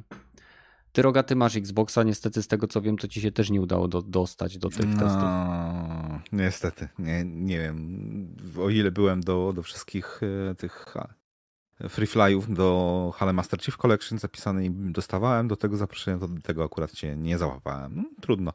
Ale też sporo oglądałem e, takich rawo gameplayów bez komentarza i e, z tego co widzę, to na razie tak mało kontentu ogólnie udostępnili do testowania. No ale, ale dobra, sklepik już działa. tego nie wiedziałem nawet. E, nie wiem, nawet nie wiedziałem. Sorry. Nie wiem, czy e, można coś to... kupować, ale Aha. widziałem... Można, można, można, można. Poważnie? Dostali wow, wow. 3000 monet Aha. i mogą za nie kupować sobie skiny. W sensie nie możesz wpłacać jeszcze nic do sklepu, ale dostałeś Aha. pulę monetek, za które możesz sobie kupić skiny e, do broni, czy też do armoru e, swojego Spartiaty, Spartana. Nie, nie jestem pewien, jak to się odmienia, bo to nie do końca jest to samo określenie jak z tymi żołnierzami greckimi, więc no. Kumamy.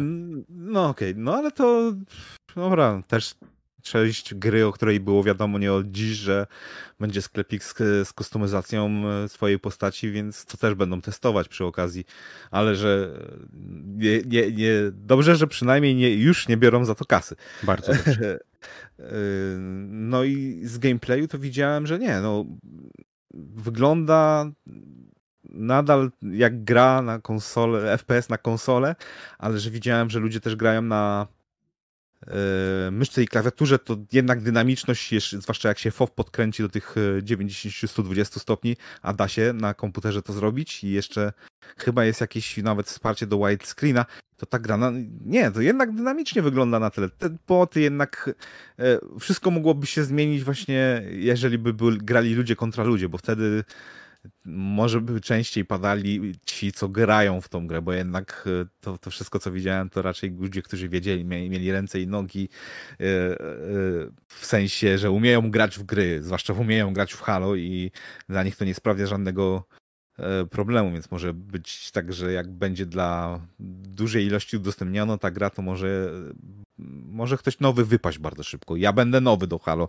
multiplayera, bo ja praktycznie nie grałem w żadnego, tylko kampanię kończyłem e, grając w Halo, więc e, ale z tego co widziałem, to też mi trochę jeżeli o gameplay, no kurna, Duma z 2016, wiem, starta płyta jestem, ale trochę właśnie mi ten multiplayer przypo, przypomina, bo też e, bo to Sil, jak część multiplayerową do Duma robił właśnie ten sam studio, co robiło też e, multiplayer do poprzedniego Halo, więc to wszystko się, dla, może dlatego się zakleszcza to tak e, ładnie dla mnie, że okej, okay, z tym, że to nadal Halo jest tylko jeszcze nie ma tych pojazdów, no. Jakbym właśnie zobaczył już gameplay z, z pojazdami i, i z takimi o większej skali te mapy, to bym był bardziej podjarany, bo to wyglądasz na to w tej chwili, że Doom, Halo będzie właśnie małe małe mapy, średnie mapy, a Battlefield będzie duże i gigantyczne mapy, więc może być mhm. dobry balans, że się wgryzą akurat, będę grał w to i w to. Mam no nadzieję, tak. że, że się nie pomylę. Ale nie no, bieganie, skakanie, używanie nawet tego grappling hacka, e, poruszanie się, nie widziałem żadnych takich jakichś rzeczy, które by mnie odstraszyły od ręki, a z tych dobrych gameplayów, co widziałem, to okay, fajnie, też bym sobie chciał w to zagrać. Jak będzie za darmo, to to, to jedna nadal, z lepszych darmowych gierek. Nadal mhm. mam wrażenie, że ten podstawowy pistolecik jest troszeczkę za mocny, jak widziałem, jak ludzie nim y, ściągają, ile, nawet magazynka nie skończą, a ściągają zarówno osłony, jak i zabijają y, przeciwnika, bota. Y, I też Halo ma taką, że tak powiem, markową tendencję do robienia jakby niższej grawitacji w trakcie skoków. O ile jakby w większości gier, nie większości, w innych FPS-ach, które są teraz na topie, w momencie, kiedy wyskoczysz dosyć, szybko, lądujesz na ziemi, to w przypadku wyskoku z Halo mam wrażenie, że ta postać tak leci i... No, flows, flows, no one rzeczywiście mają tą właśnie taką fizykę, no tego jeszcze nie Tak jakby 70% to... normalnej grawitacji, coś takiego mniej więcej. Tak, tak, ta. no nie jest tak jak na starym dobrze mapie Morfeusz z Unreal Tournament, ale Mhm. Wiem o co ci chodzi, no, no ale to kurna, to jednak rdzeń Halo jest, nie wiem, czy by ludzie się za bardzo bunto, bu, zaczęli buntować, jeżeli by to było mniej takie mhm. e, e, pływające, że jednak skak skakać nadal tak możesz, ale jednak masz takie większe tąpnięcie, jak e, spadasz na ziemię, bo mnie najbardziej to boli, że e, jak balonik troszeczkę się zachowujesz, tak. a, a nie gościu, który ma 3 metry wzrostu w, i 500 kilową zbroję na sobie, nie? No może dlatego tak lekko lądujesz, bo ona amortyzuje. Może. Pamiętaj, że w Halo. Spaść. Czekaj, to było w Halo trójce, co Master Chief tak. wszedł w atmosferę i uderzył tak. w ziemię i go zbroja uratowała? Tak, tak. Bo mu się ten żel, ja. który ma w warstwach pod, pod tym y, zesztywniał tak. i no, no, no, tak. no. To, to głupie jest, ale jest cool. Fuck cool. you, man. Kuźwa, Fuck no. you. To masę, to masę. Zjebaj się. Pierdzielić, pierdzielić fizykę. E, to jest Halo. Więc gra wygląda bardzo dobrze. Nie mówię tutaj o, konkretnie o stronie graficznej, bo to jest jeszcze jakby daleka y, droga. Y, oglądałem materiały graczy, którzy grali na y, procesorach Radeon, boże Radeon, kuźwa tak, AMD ten X3950, tych najwyższych w każdym razie, wiecie, 24 rdzenie, 48 wątków czy coś w tym stylu i na kartach graficznych GeForce 3090 i gra e, średnio miała między 60 a 70 klatek, więc optymalizacja jest jeszcze przed tą grą, ale to jest beta, nie beta, przepraszam, bo jeden z naszych, e, że tak powiem, Discordowiczów upomniał mnie, że to nie jest beta, tylko jest to te, tech test, tech test, test więc bety jeszcze nie dostaliśmy. To jest jeszcze przed betą, jeżeli ja to dobrze rozumiem. I takie rzeczy też się zdarzały dawno, dawno temu za czasów Quake'a 3. Zgadza się. To jest test techniczny, który ma sprawdzić, jak działają boty, jak działa netcode i, i tego typu rzeczy, więc masa rzeczy jest jeszcze niedoszlifowana. E, wiele rzeczy może być placeholderem, ale i tak gra wygląda bardzo dobrze, jest dynamiczna i grywalna. Szkoda tylko, że możemy walczyć tylko z botami. Być może versus będzie udostępniony w dalszej części tych testów. Ja, mogę, ja mogę się jedynie odnieść do tego, że e, udało mi się zagrać w tego Splitgate'a. I grając w tego Splitgate'a, odniosłem naprawdę takie bardzo bliskie e, wrażenie, że ta gra bardzo mocno sugeruje się Halo. Jeżeli wpiszecie sobie Splitgate, to zobaczycie, jak wyglądają awatary graczy. I bez problemu będziecie w stanie odnieść tutaj porównanie do tego, że oni wyglądają troszeczkę jakby byli w tych, jak to się mówi, e, w spartańskich zbrojach. I naprawdę to, to czuć. Więc y, jeżeli chcecie poczuć coś w stylu Halo, to Splitgate jest dobrym pomysłem, aczkolwiek wątpię, czy by uda wam się w ogóle dostać do tego tytułu e, ze względu na to, że no, mają ogromne problemy techniczne. Jeżeli macie dostęp do samej do samego testu Halo, to zachęcam Was, żebyście podzielili się swoimi e, jakby e, wrażeniami tutaj u nas na Discordzie. Link znajdziecie w opisie. Mamy tam działy związane z takimi właśnie między innymi w co gramy i tak dalej. Jeżeli popełniamy jakieś błędy lub gafy, wpadnijcie do nas na Discord i dajcie znać w dziale feedback. No i tak naprawdę łapka w górę i te sprawy, żeby e, jakby rósł e, nasz, nasz podcast. No i co więcej możemy powiedzieć o tym technicznym teście Halo? Rogaty, masz tam coś jeszcze ciekawego? Poza tym, co... A może taki AI Battle coś? Co? Możemy? No, możecie, oczywiście. No, no. Dziękujemy, dobra.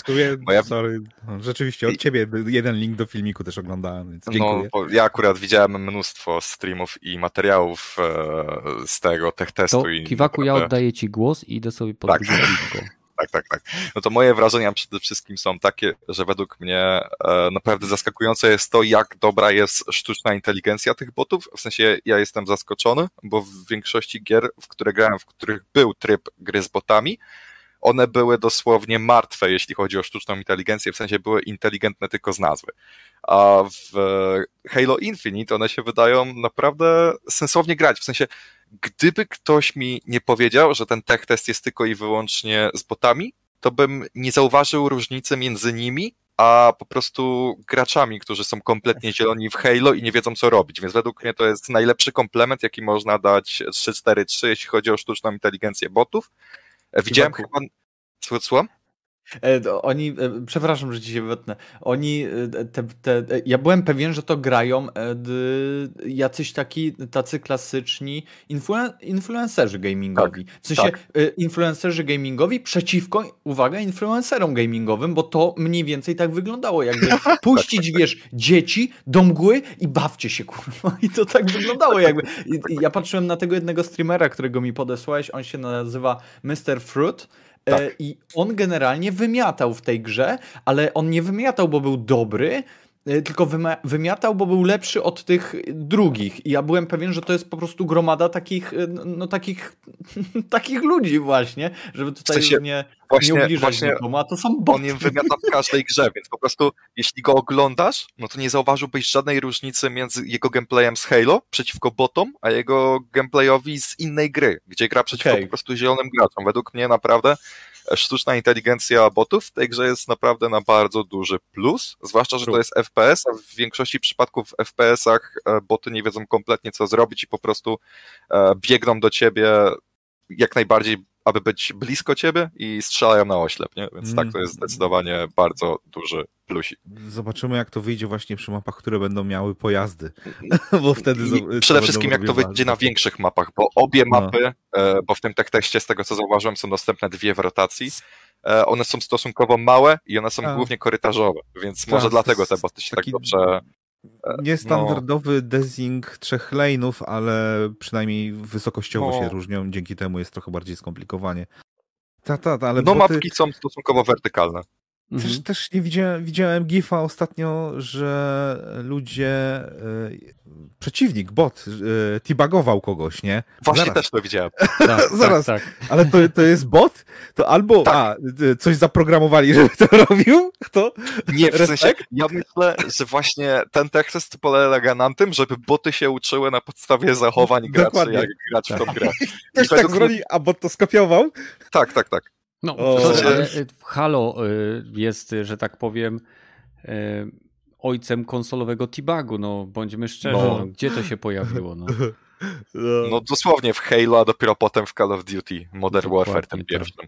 E, więc tak. E, druga rzecz, którą zauważyłem, to to, że bronie wydają się być zaskakująco dobrze zbalansowane, w sensie nie zauważyłem żadnej broni, która wydawałaby się zauważalnie lepsza od pozostałych, to, co ty mówiłeś o pistolecie, to no, jestem w stanie się odrobinę zgodzić, ale według mnie to nie jest e, w żaden sposób wada, tylko właśnie to sprawia, że ten pistolet, mimo tego, że masz dostępne też inne bronie, jest jakkolwiek dobrą opcją, bo w większości FPS-ów, kiedy już zdobędziesz inną broń pokroju karabinu, nie wiem, wyborowego albo maszynowego, no to po prostu stwierdzasz, ej, pieprzyć ten pistolet, a w Halo mhm. to będzie prawdopodobnie jedna z wielu broni, które realnie chcesz zachować przy sobie i z nich regularnie korzystać. Więc to według mnie też jest plus, bo nie ma po prostu broni, które są bezużyteczne. Tylko no, korzystasz no, ale... z całego arsenału, który jest w grze.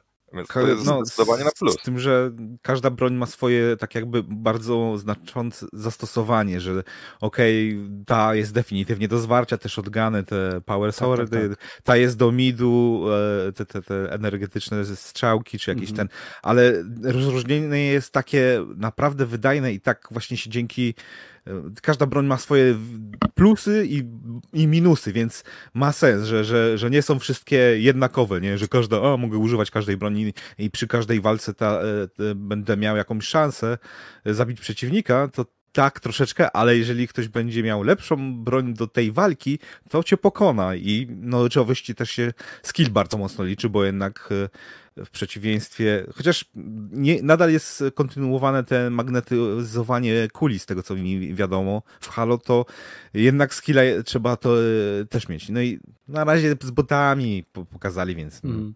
Niektóre bronie mają pociski, które lekko naprowadzają się na przeciwnika, widziałem takie, ale są też mhm. takie, no, które są... Obcych. Tak, bronie obcych generalnie. Ale są też bronie, które definitywnie jakby wskakują w klasyczny y, jakby design, czyli to nie jest tak, że, że auto aima mamy, chociaż wiadomo, że na konsolach będzie aim assist, e, chociaż będzie pewnie można to wyłączyć. Zresztą pamiętajcie, że Xbox natywnie będzie wspierał klawiaturę i myszkę w wielu swoich tytułach i mm, tutaj Chyba jak... też widziałem e, zajebistą rzecz, że ktoś miał, e, w lewej ręce miał pada, czyli postacią kierował, a prawej ręce miał myszkę i myszką i hmm. po prostu obracał się postacią e, ten celował Fajny przy pomocy myszki, nie? Podoba Więc, mi się. E, też mi się podobał. Jak są te takie mi, mini klawiatury do FPS-ów, e, wiesz, takie nie wiem jak to się nazywa, ale takie, takie jakby keypady, które są przystosowane do dłoni jest, swego czasu wymiot pokazywał taki bardzo kustomowy u nas na Discordzie, a tak to można kupić z wielu różnych firm. Są, są to takie mini klawiatury na USB, które tak naprawdę mają ile? Może z 15-20 przycisków, które można zaprogramować specjalnie pod gierkę. Jeśli chodzi o samo Halo, to zauważyłem też, że w tym sklepie, który tam się znajduje, tak, w tym jest masa naprawdę bardzo fajnych kosmetycznych rzeczy które na pewno, na pewno znajdą swoich kupców. Fajnie, że nie są to rzeczy, które przynajmniej na, na mój rzut oka będą wpływać na rozgrywkę w sposób inny niż wizualny. Podoba mi się no też. Nie, no nie widziałeś zbroi samuraj. Halo? Kurwa, to, to najmniej 10, 10, 10 do szpanu jest, kurwa, to, to na pewno to wygrasz na... dzięki temu. Ta każdy statystyka mecz. może być jak najbardziej pompowana. E, podoba mi się też to, nie wiem czy to było w poprzednich częściach, bo tak jak mówię, nie miałem e, styczności z poprzednimi e, multikami od Halo, te power weapons, które się pojawiają na mapie, tak. gdzie mamy, bardzo mi się podoba wizualne przedstawienie czasu do pojawienia się broni. Jest na tym spawnpadzie E, taki okrąg, który się po prostu wypełnia, a jak już ma się pojawić ta broń, to dosłownie pokazuje się chyba ostatnie 15 sekund odliczania. Jest to fajne, bo to na pewno będą punkty, o które będzie toczyła się walka. To będą punkty, gdzie na pewno, jeżeli ktoś będzie znał mapę, e, będzie, będzie toczyło się jakieś starcie, żeby nie wiem, czy to będzie młot, czy to będzie snajperka, czy to będzie jakiś inny e, rodzaj broni. I dokładnie ten sam motyw jest, wyobraźcie sobie, w Splitgate gdzie e, są na mapach e, umieszczone, bo każdy gracz startuje załóżmy z dwiema brońmi, które są uzależnione od trybu, w który gramy, ale na mapie są punkty, gdzie się zbiera na przykład snajperkę, shotguna, e, takiego, mogę to określić jedynie jako gaussguna i, i wiele, wiele innych takich, więc, więc jest tam troszeczkę jakby podobieństw, ale hmm, no, balans właśnie takiego arena shootera z hero shooterem się zajebiste tutaj robi dla mnie. Mhm. Takie połączenie tego właśnie Overwatcha z Unreal Tournament. Tylko, że 2003. tutaj Spartani nie mają swoich umiejętności. Wszystkie umiejętności nie, się zbiera właśnie, również też na mapie, prawda? No dokładnie, dokładnie. Nie? Dzięki temu e, musisz walczyć o te umiejętności i właśnie to typowo taki design arena shooterowy, że masz powerpointy, o które warto, przy których warto być, albo przy których warto, warto walczyć, bo wiadomo, że się odzyska albo całe życie, albo albo zyska się overpiły weapon, czyli ten, ten młot na przykład, -hmm. nie? I to, to, to mi się też podoba straszliwie, bo to nie będzie już bieganie po mapie jak kurczak z, z odciętą głową. I na, na, kto pierwszy, jak ja zacznę pierwszy strzelać, to e, wygrywam walkę, jak ktoś mnie pierwszy zauważy, to on wygrywa walkę, nie? Że tak. tutaj będzie tako bardziej spójnie, taktycznie może. Brakuje mi właśnie powiedzieć. tych starych gierek. Zresztą rozmawialiśmy kiedyś, nie wiem, czy to Badel na poprzednim mówił, że pojawi się firma, która stworzy dobrego, starego arena shootera z prostymi zasadami, z nieprzegiętymi, że tak powiem, regułami gry i ta firma właśnie wygra następną, że tak powiem, następny boom na shootery, tak? Nie wiem, to ty mówiłeś, Badyl, nie? Ja mówiłem, ale to nie może być Microsoft. To nie może być nic do Microsoftu. ale bym się śmiał, jakby tak się stało. Kurwa, ja załamałbym się, bo to, bo to, nie, to nie tak miało być. To nie, tak, słuchaj, e, zawsze możesz ściągnąć Splitgate'a. No, ściągnąć ściągnąłem, ale zalogować się nie mogłem. No i to jest największy minus Splitgate'a. Tak jest. Do to Halo to przynajmniej mi powiedzieli, że nie dostajesz się w pajacu no, spada, ja tutaj dali mi takie, masz, masz, masz, masz, a nie, nie dla psa. Ja mówię, o ty kurwa. Ściągnąłeś tak. grę? Uru. A powiedzcie mi jeszcze, zanim przejdziemy, albo w sumie już przejdźmy do tego e, PS5, chyba że macie. Nie, nie? Jeszcze nie. nie? Jeszcze, nie jeszcze, jeszcze, są dwie ważne kwestie, które chciałbym poruszyć na temat Halo. Kiwaku jedziesz. Tak. E, Podcast Pierwsza z nich, twój. Która jest zarówno plusem, jak i minusem, jest to, że oni dodali um, strzelnicę, na której można trenować swój aim i ona ma wyzwania związane z daną bronią, które możesz wykonywać i tak w ten sposób gra cię ocenia na podstawie tego, jak dobrze sobie radzisz i pokazuje ci, jak dobry jesteś w korzystaniu tej broni. I według mnie to jest naprawdę przyjemny plus, zwłaszcza, że to jest e, gra free to play, więc mnóstwo nowych osób, które jeszcze nigdy nie grały w Halo, no, się w nią wkręcą i będą chciały być w nią jak najlepsze. Ale to jest fajny pomysł, to pomysł, tylko według mnie średnio zrealizowany bo ta strzelnica polega na tym, że ty z menu wybierasz broń, którą chcesz ćwiczyć i wtedy dopiero jesteś tepany na tą strzelnicę, musisz poczekać, aż ona się wczyta, a później jeszcze poczekać, aż zacznie się to wyzwanie, które masz wykonać, które polega po prostu na strzelaniu do botów, które się poruszają, nieważne. Um, no i później, jak skończysz to wyzwanie, no to jesteś z powrotem wywalony do tego menu. Według mnie to jest średni design. O wiele Absurd. lepiej strzelnica jest zrobiona w na przykład Apexie albo w hmm. mapkach do CSGO, które są robione przez społeczność, w których wpierw e, wbijasz na tą strzelnicę, i potem dopiero na tej strzelnicy leżą wokół ciebie bronie, które możesz sobie wybrać no. i wtedy po prostu je podnosisz i zaczynasz strzelać. Nie musisz czekać za każdym razem na loading, kiedy wchodzisz na tą strzelnicę, robisz e, tam strzelasz, wychodzisz z tej strzelnicy, znowu wchodzisz do tej strzelnicy, w sensie to jest idiotycznie to jest strata czasu gracza. Właśnie, to jest strata czasu. Weźcie Tym pod bardziej, uwagę, ta... graliśmy w tą głupią grę, e, pamiętacie ten... Wigor. Wigor, to nawet tak. tam jak szedłeś na strzelnicę, to miałeś ją bezpośrednio w levelu, w którym się znajdowałeś. Dokładnie, dokładnie o to mi chodzi, że to po prostu jest słabe, zwłaszcza, że ta strzelnica się tak e, słabo wczytuje, w sensie poszczególne elementy tła się stopniowo wczytują, przez co no, wiesz o co chodzi, wpierw masz tło, później masz to, co jest tuż przed tobą i tak dalej, i tak dalej, to nie wygląda estetycznie. Według mnie to jest zdecydowanie do poprawy, jeśli chodzi o finalną wersję. Mhm. No a trzeci i ostatni temat, jaki mam do poruszenia, jeśli chodzi o Halo, to jest właśnie kwestia wyglądu tej gry. W sensie, ja w dalszym ciągu, pomimo tego, że tą grę przełożono o rok, uważam, że to nie jest gra wystarczająco ładna, jeśli chodzi o standardy 2021 roku. A myślę tak dlatego, że kiedy oglądałem filmiki z tej gry, to chwilę później przyłączyło mi na playlistę z Battlefielda 1, bo akurat mm. oglądałem wtedy Jack Fraxa. E, I moje oczy dosłownie były oniemiałe, kiedy zobaczyłem, jaki jest przeskok między jakością oprawy wizualnej, między Halo, które ma wyjść dopiero za kilka miesięcy, a Battlefieldem 1, który wyszedł 5 lat temu. W sensie naprawdę e, wiem, że to jest czepianie się na detali brakuje, tak, nie? No, w sensie, to jest gra, która będzie free to play, więc no troszeczkę nie fair jest ją porównywać do gry, która wyszła za pełną cenę, nawet jeśli to było kilka lat temu, ale według mnie jakość oprawy wizualnej naprawdę zawodzi, zwłaszcza, że to jest flagowiec. E, I ja osobiście bym oczekiwał ciupkę więcej. To jest tak techniczna naprawdę, beta. Zaufajmy no to jest tak, im, wiadomo, że to, że wiadomo, tak, tak, tak, tak, tak, wiadomo, ale no to są już dwie mapki, które będą w finalnej wersji, więc one mm. prawdopodobnie nie będą wyglądały o wiele lepiej, bo A premiera mogą. będzie za 3-4, nie będą wiele wyglądały lepiej, umówmy się, żadna gra się nie zmienia w 3-4 miesiące. Każdy tak mówi, może. że a, Avengers poprawią, to tylko beta, a Fallouta 76 poprawią, to tylko beta. No dobra, Ja okay. wiem, że to jeszcze nie jest beta, jest ale wiele precedens. się nie zmieni. Jest pewien wiele precedens, ale i, i, tutaj akurat w przypadku arenówek dodanie detali to, tylko pytanie, czy oni chcą mieć detale, bo to, co Rogaty mówił oni idą w kierunku klasycznego Halo, tak? I o ile podbili tą y, jakość grafiki względem tego, co mogliśmy zobaczyć na prezentacji Microsoftu, co już pokazywali wielokrotnie, y, to być może po prostu oni chcą zostać na tym poziomie. Może to jest jakby ta stylistyka, w którą oni idą i na przykład kampania będzie rozpierdzielała graficznie, a y, tutaj mamy mieć odwołanie do takiego czystego, klasycznego, działającego w 60-120 klatkach e, multiplayera, który będzie dostępny na pamiętajcie na wszystkich konsolach Xboxa, tak? Więc Xbox One S, Xbox One X, Xbox Series S, Xbox e, Series X i być może nadchodząca piąta konsola z, z ten, czyli Xbox Streambox.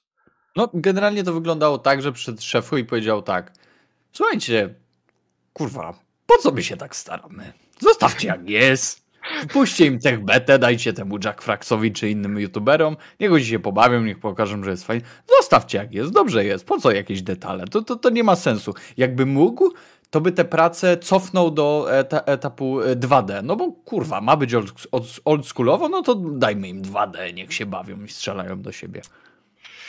W sensie... No, co, co, za, co, za, co za głupi ten szef, no daje teraz grać e, ilu już e, trzem generacjom i, oś, i sześciu platformom ludzi. Ja nie wierzę w generację. jednej. oj tak, oj tak, oj tak. O. No. Wiem, wiem dlaczego macie te minusy, ale też trzeba pamiętać, że to jest jeszcze crossgenowa gierka, która była no, robiona no, już tak, pięć tak, razy. Tak, tak, Miała trzy poślizgi, już gigantyczne zmiany. Ten to... Wiecie, wiecie jak no. to jest. Gracze zawsze lubią mówić, że w grach nie, nie chodzi o grafikę, bo generalnie chodzi o rozgrywkę, Czasami no, o fabułę. Tu się zgodzę w 100%. Tak, Ale ja się, się zgadzam też w 100%, dlatego oczywiście to jest prześmiewczo troszeczkę, bo dla mnie ja się naj, najlepiej bawiłem w grach, które nie zachwycały, jeżeli chodzi o, e, o grafikę. Więc, tak jest. Hej. Ale też, też, no nie wiem, może macie też problem ze stylem tej gry, bo to jednak tak, taki tak. futurystyczny militaryzm nie, nie przypada wszystkim. A mnie na, naprawdę przypada, bo Ale... no, jedna z moich ulubionych książek się futurystyczny militaryzm Ale... był, to był, więc to też mi bardzo podchodzi. Tutaj w sensie... Y, ja jeszcze no, tylko chcę powiedzieć, że mi nie przeszkadza futurystyczny militaryzm tego świata, bo on mi się bardzo podoba, bo y, jestem naprawdę wielkim fanem serialu Red vs. Blue i jestem fanem serii Halo i uwielbiam Master Chiefa i ten łuk fabularny, który tam był robiony, czy jest robiony. Mi, prze, mi przeszkadza futury, futurystyczny kwadraciarizm, który jest wszechobecny mm. na tych mapach.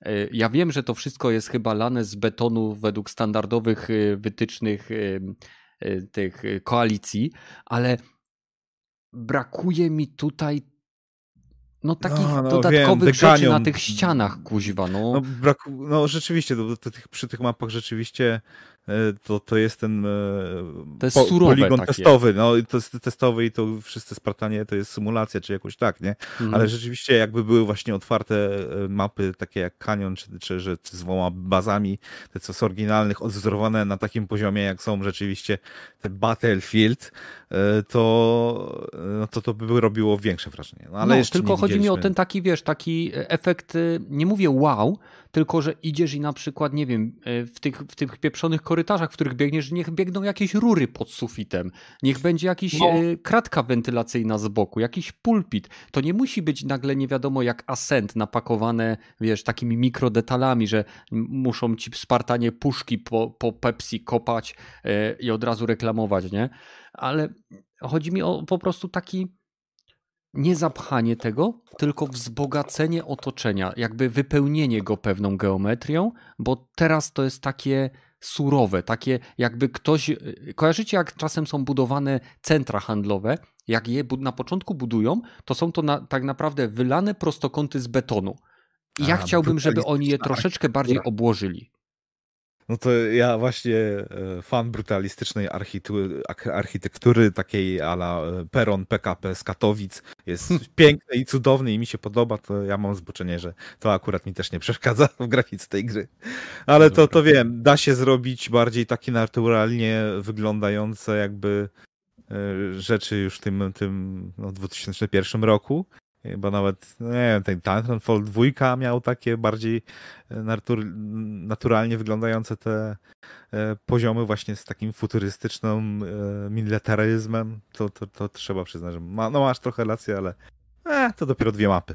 No i to jest Nie, no techniczna tak, beta. tak, tak, wiadomo.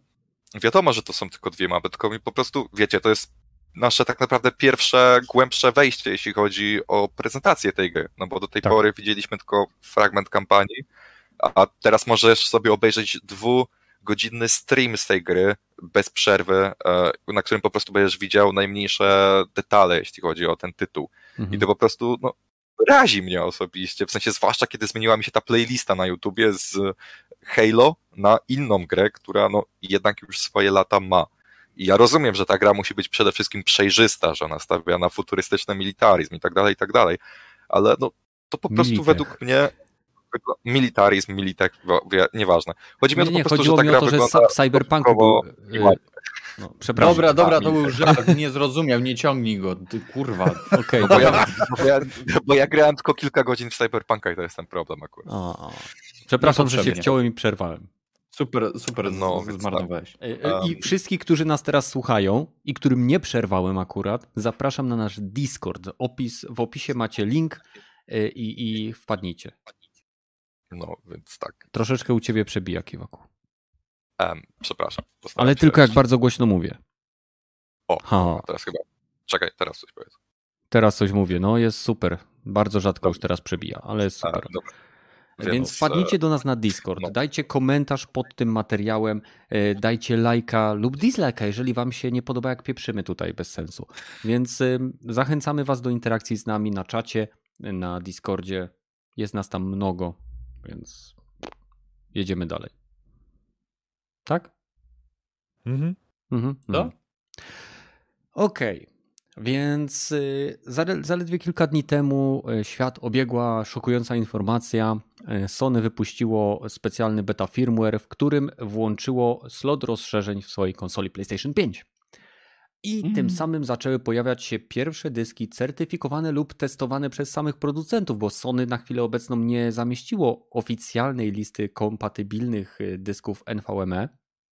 Więc to nie są dyski M2, to są dyski NVMe, żeby ktoś sobie nie, zaku- nie zakupił mm, nie tego, co trzeba. I to nie są te same dyski. Więc em, mamy kilka dysków, które tam wiadomo można wsadzić do konsoli. Ceny są, powiedziałbym, zbliżone do tego, co można kupić, jeżeli chodzi o kartę rozszerzeń Xboxa. Po ile jest karta rozszerzeń Xboxa Rogaty? Ty kojarzysz mniej więcej? Patrzałeś? 1000 zł? Niecałe. 999? 990. No to nie, to w, według tego, co ja znalazłem, to są droższe niż karta Aha. do Xboxa. E, Ale okej, no No co? słuchaj, jakość, e, no, jakość trzeba, to, to, to jest kwestia tego, że kupujesz sprzed nie do byle jakiej konsoli, no kurwa. Musi O, kosztować. to tak, to jest tak jakbyś kupował true, e, true. szybkę do Apple'a, tak? O, o to właśnie, chodzi. właśnie, właśnie miałem nawiązać do telefonu. E, nie, bo okej, e, trzeba z- jakby zwrócić uwagę na pewną rzecz, że Microsoft zdecydował się na wersję rozszerzenia, która wykorzystuje produkowany na licencji specjalny moduł, który ma w sobie odpowiednią ilość pamięci. Możemy to kupić i wsunąć sobie, że tak powiem, idioto odpornie do swojej konsoli. To pasuje tylko w jeden, jedyny sposób. Wsadzasz, działa super. Idealnie, super proste rozwiązanie. E, I tak naprawdę y, pochwalam. Wielu ludzi nie lubi grzebać w swoim sprzęcie, dlatego kupują konsolę. Tak? No to pokazuje do jakiego odbiorcy jest skierowany Xbox. What? Co? W sensie, Okej, nie rozumiem. Rozwij proszę. Rozwiń Go- proszę. go- Kenneth on, powiedział go przed chwilą, że to są idiotoodporne dyski, tak? Że pasuje tylko w jeden sposób i tak dalej. A ja nawiązałem, śmieszny żart zrobiłem, że to to widać do jakiego odbiorcy jest skierowany Xbox. Wiecie, konsola dla debili. A, Dobra. Jeżeli Wow. chcecie pojechać po Badylu, to możecie wejść na nasz Discord, on ma tam swój pokój. Pokój Bardzo- nazywa się, czekajcie, już czytam, Badyl Spokój. Bardzo inteligentna nazwa. Za- Oryginalna, Ja- myślał cały tydzień. Idioto odporna można. Idiotoodporna, dokładnie. Wypisuję się z tego podcastu. Nie chcę już. I Wpadnijcie, możecie sobie z Badylem porozmawiać na temat Apexa. Okej, okay. Rogaty, ty masz Xboxa. Jak wygląda e, twoje spojrzenie na to, w jakim kierunku poszło Sony? Czy czy to jest, wydaje ci się ok, czy no, no zresztą co ja ci będę się pytał, jakie jest twoje podejście do tego? Z jednej strony patrząc, e, rozwiązanie Microsoftu działa, to mm. od dnia premiery, tak. więc to jest na duży plus dla Microsoftu. Z drugiej strony e, rozwiązanie Sony bardziej takie w stronę ludzi, którzy e, chcą sami tak jakby nad wydatkami na swoją konsolę panować i wybierać sobie taki dysk SSD, jaki im najbardziej będzie pasować, z czego zazwyczaj największy, najszybszy jaki macie, tak się wkłada tak czy siak.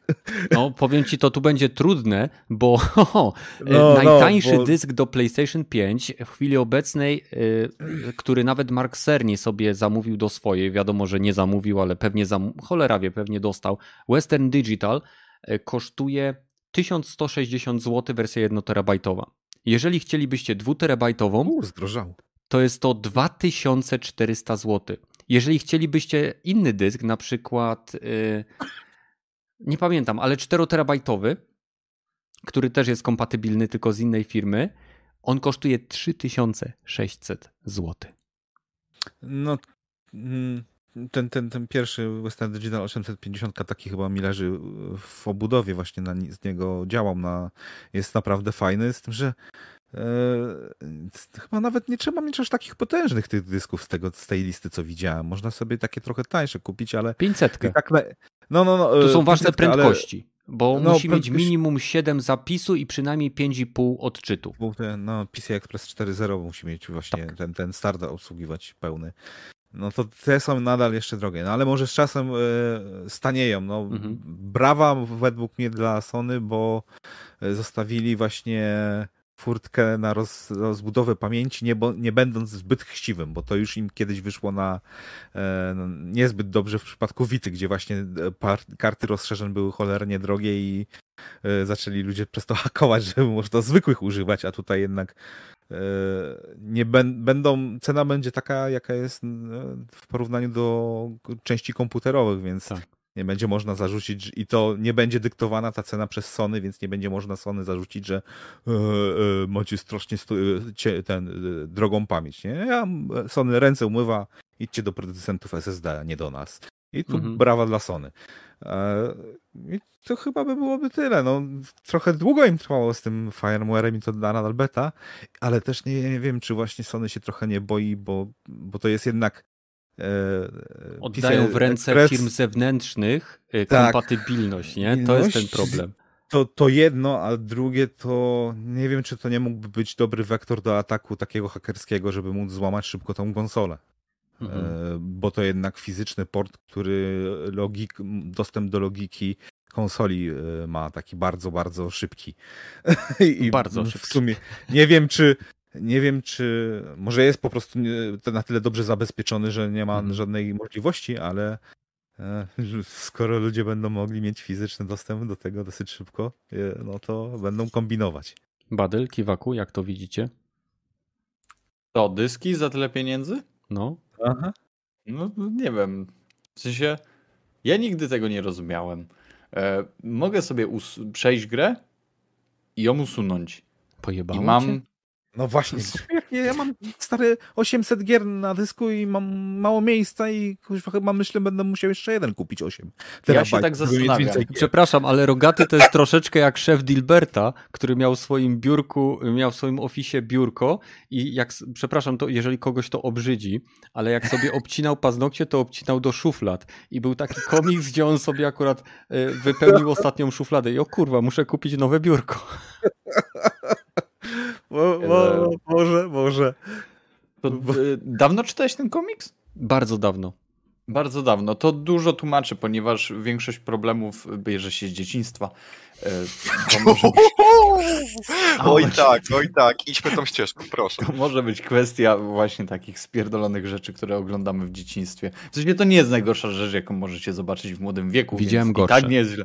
No, okej, okej, okay, Badl, czy, czyli ty za ten jedziesz, byłeś na tych wakacjach, zrobiłeś sobie kilka e, tych zdjęć i teraz wyrzuciłeś już się, skasowałeś, nie? Już cię nie obchodzi to, że odbyłeś na tych tak, wakacjach. Tak, to jest, to jest tak. Ja mam tak, że ja generalnie robię zdjęcia, i wypierdalam. nie dam sobie Ale inaczej, jak gdybym nie był tam z, z dziewczyną... na więc może je pobrać w każdej chwili. to wiem, po pierwsze. Po drugie, ja mam tak, że jak gdybym tam nie jechał z dziewczyną, to ja bym generalnie nie robił zdjęć. Ja bym zrobił tylko zdjęcie e, właśnie jedzenia, wrzucił je na Discord, żeby wkurwić Malibu i później usunął. I to jest właśnie po to mi jest potrzebne, potrzebny aparat w telefonie. Po nic innego. Wiecie, ja wam, ja wam wprost mogę powiedzieć, ja na moim telefonie mam, e, bo mam, bo mam nowy telefon i mam, jeżeli chodzi o wideo, mam 76 wideo i 30-40% to są nagrana, nagrania moje z ekranu z Wiedźmina. Normalnie nagrałem ekran w Wiedźminie, jak ciosam potwory, bo chciałem nagrać sobie gdzieś tam jakąś recenzję tego i to jest nie, to jest więcej, bo one trwają po kurwa półtorej minuty te filmy. Więc to jest jakieś 60% wszystkich moich filmów z wyjazdu. Czujecie klimat? To jest, to jest zupełnie inny poziom. A, jeszcze mamy mam. Nieważne. nie, nie, nie, nieważne. E, to, to, to, co chciałem powiedzieć, to mnie zupełnie satysfakcjonuje opcja usuń grę po jej przejściu. Niezwykłem posiadać gier, w które. siedmiu gier, w które gram naraz. E, ponieważ e, ja też mam taki, takie szczęście, że żyję w miejscu, gdzie generalnie mam dostęp do internetu, więc nawet pobranie tej gry, która nie wiem, pobierałem przed dzisiaj. Pobrałem sobie chyba trzy czy cztery gry, łącznie z, z Fall Guys, Star Wars Squadron, pobrałem sobie jeszcze e, ten e, Apes, e, Ape Odyssey, ten Soulstorma. Apes Odyssey Soulstorm. Tak, pobrałem tego Soulstorma i wiecie co? Odpadłem na tym. Mówię, a pogram, ściągnę coś sobie do podcastu. I usunąłem po zobaczeniu pierwszych 10 minut tego, tego wprowadzenia. Mówię, nie, nie, to nie jest, to nie jest ten klimat. Nie. Więc generalnie żyję, ży, żyję w takich czasach, że generalnie nie jest mi potrzebny dysk, bo mam dostęp do szybkiego internetu, a gry jak już, że tak powiem, przejdę, no to po cholerę mi to, nie? W sensie nie wracam, żeby, żeby nie wiem, się patrzeć, robić sobie jakieś, jakieś screeny, czy bawić się w photomode, bo, no bo jest mi to po prostu nie, niepotrzebne i tyle. I polecam generalnie, bo to jak widać może zaoszczędzić wam dużo pieniędzy, czy mhm. coś. Hmm. No to nie wiem, no to różnimy się niesamowicie, bo ja na przykład mam na X 68 gier zainstalowanych, 21 aplikacji i mam 93% e, dysku zajętego, 55 giga tylko wolne, więc... No ale, no ale widzisz, ja znowu nadrabiam tym, że ja mam 3 czy 4 szafki zapakowane e, tymi e, pudełkami no, do gier na konsolę, a ty pewnie masz tego mniej. Plus bo... 6 Game, Game Boyów Nesy, tak. SNESy, figurki z gier, w które nigdy nie grałeś. E, no. Konsole, których nigdy nie rozpakowałeś. Dokładnie, dokładnie to jest to. A ty widzisz, zaoszczędzać sobie te miejsce, gromadząc, że tak powiem, mnóstwo gier na, na kompie. I no, no widocznie ta, ta, taki mamy styl odmienny. Mhm. Kiwaku, no okay. jak, jak, jak ty widzisz y, ten ceny dysków, y, współczynnik y, jakby um. rozmiaru do ceny, rozwiązanie Microsoftu i Sony? W sensie, jeśli chodzi o ceny, no to no ja jestem osobą, która do PS4 kupowała zewnętrzny dysk, 1 terabajt za, nie wiem, chyba 300 max na jakiejś promce czy coś, e, tam już kilka lat temu. Więc jeśli chodzi o kwestię ceny, no to myśl zapłacenia 900 bądź ponad 1100 za dysk, który ma tylko 1 terabajt, e, no to, to, to by mnie zdecydowanie zabolało na kieszeni i w przypadku PS5 pewnie bym się na to zbyt szybko nie zdecydował. E, no zwłaszcza, że no, pewnie postawiłbym na taką taktykę jak Battle, że po prostu przechodzę na tą grę i ją usuwam. Ostatnio staram się tego podejścia nauczyć, bo aktualnie mam, nie wiem, chyba z połowę gier tylko zainstalowaną, tych które kiedyś posiadałem na dysku. No bo stwierdziłem, a jebać i tak będę grał pewnie tylko w Apexa. Więc tak, moje podejście się w kontekście tego bardzo zmieniło, ale jeśli chodzi o podejście Sony i Microsoftu, no to jeśli um, spojrzymy na Sony, no to bardzo podoba mi się fakt, że zdecydowali się na e, zewnętrzne dyski, w sensie nie zewnętrzne w kontekście, że zewnętrzne, tylko że od zewnętrznych e, producentów, że nie postanowili mhm. zrobić, a jebniemy dedykowany, który będzie miał tylko jedną pojemność i będzie za naszą cenę, jaką my podyktujemy, tylko po prostu stwierdzili, że ok, Samsung i reszta możecie robić dyski, e, dzięki czemu my jako konsumenci możemy sobie dobrać taką, e, taką pojemność dysku, e, taką cenę, jaką po prostu chcemy zapłacić i taką pojemność, jaką realnie potrzebujemy, więc to zdecydowanie na plus, ale jeśli chodzi o montaż, to to powinno być zdecydowanie bardziej idiotoodporne.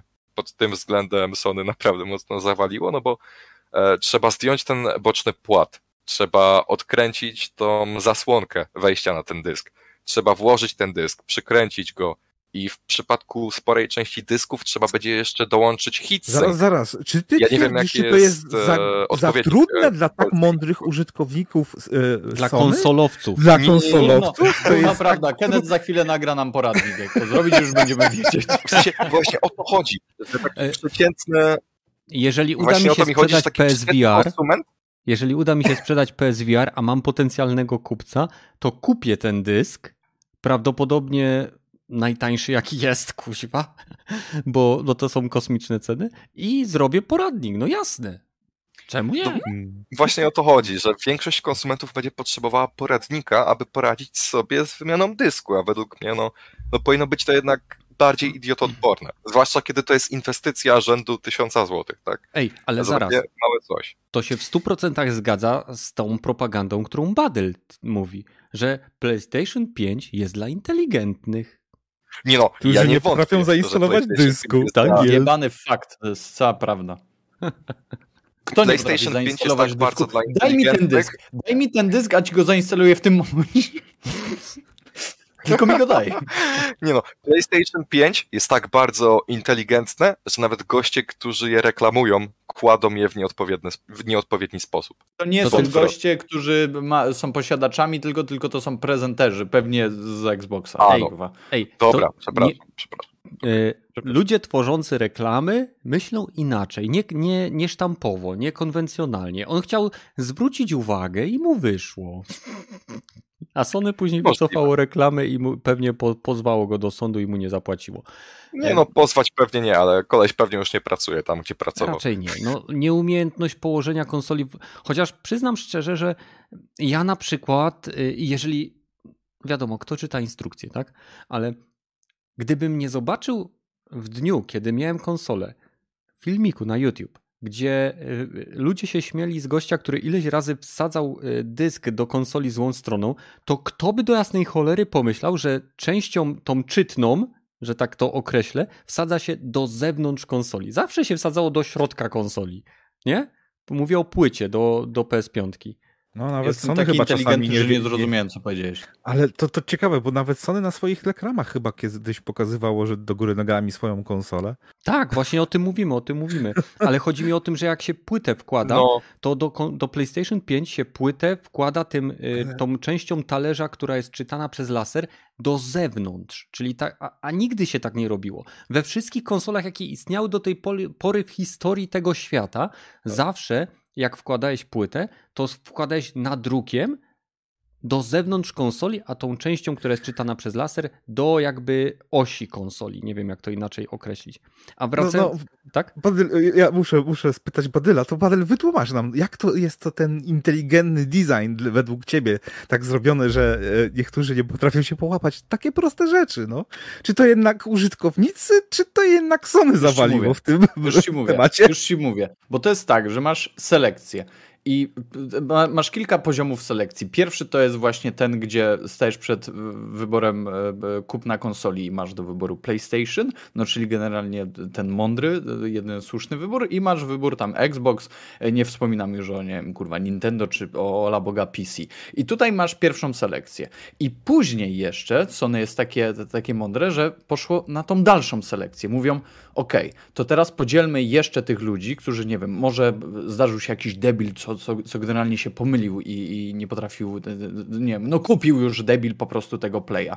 To teraz weźmy tych debili, oddzielmy od y, tych właściwych y, posiadaczy. I teraz, jeżeli ty masz konsolę PlayStation 5 i ją kurwa kładziesz y, horyzontalnie, to możesz się zastanowić, w której, w której części jesteś. I to, to jest właśnie taki, taki pstryczek w nos dla, dla, tych, dla tych debili, bo jedyny słuszny sposób kładzenia konsoli PlayStation 5 to jest w, w pionie.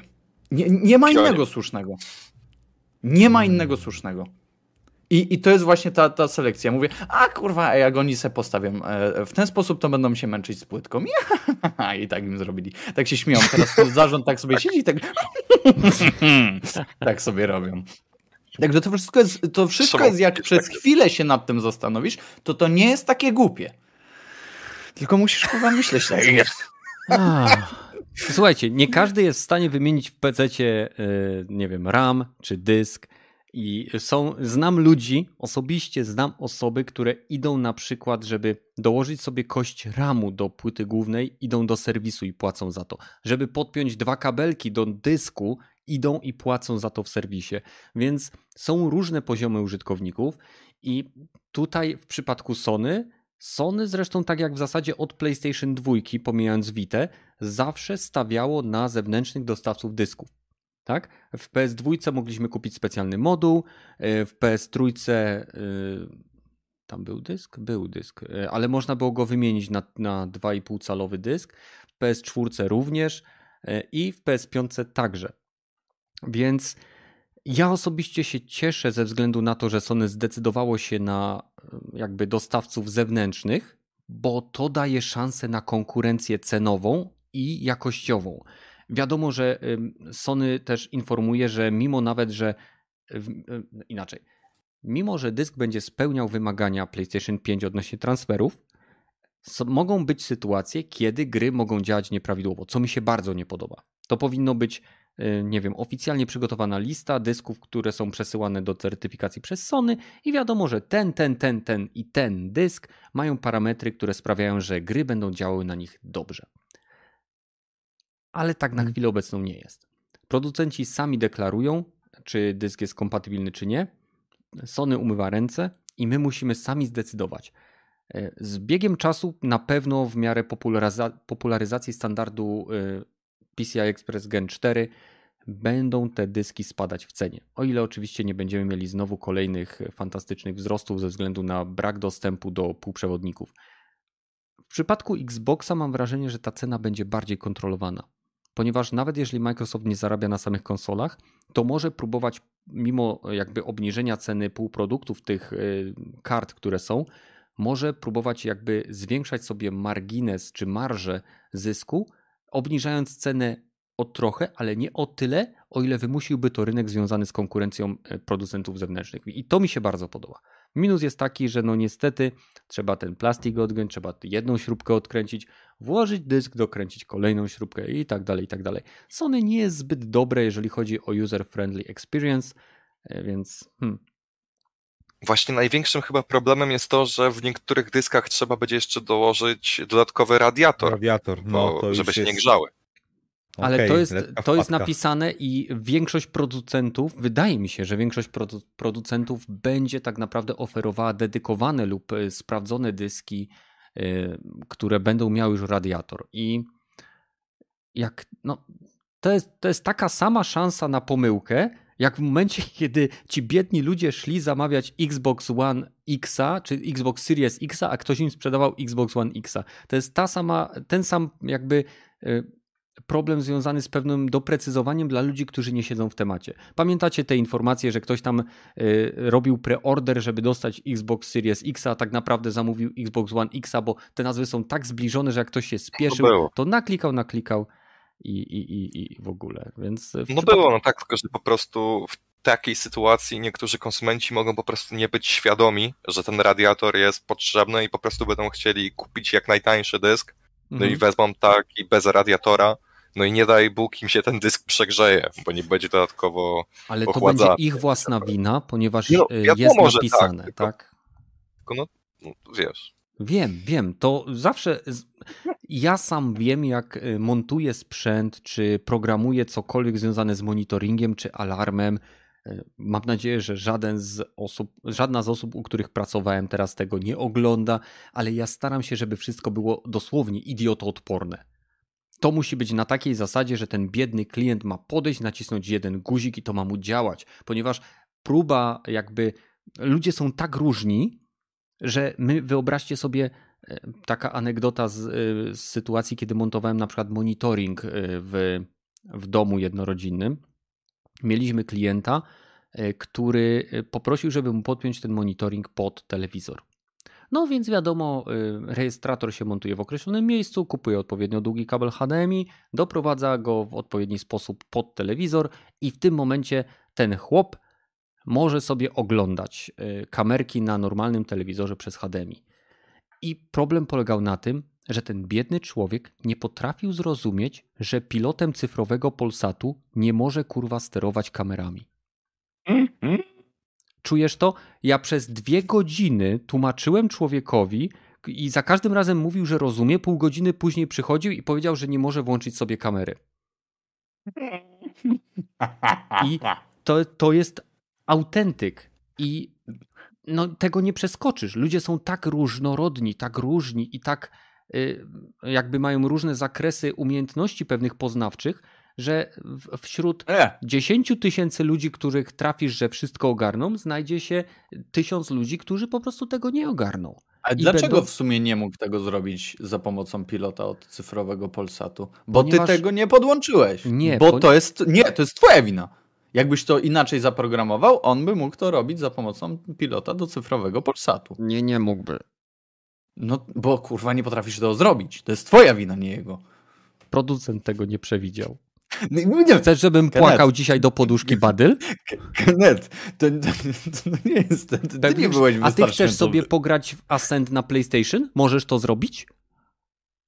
Nie, bo producenci są zjebani. Nie, bo ty nie potrafisz tego zrobić. Producenci są głupi.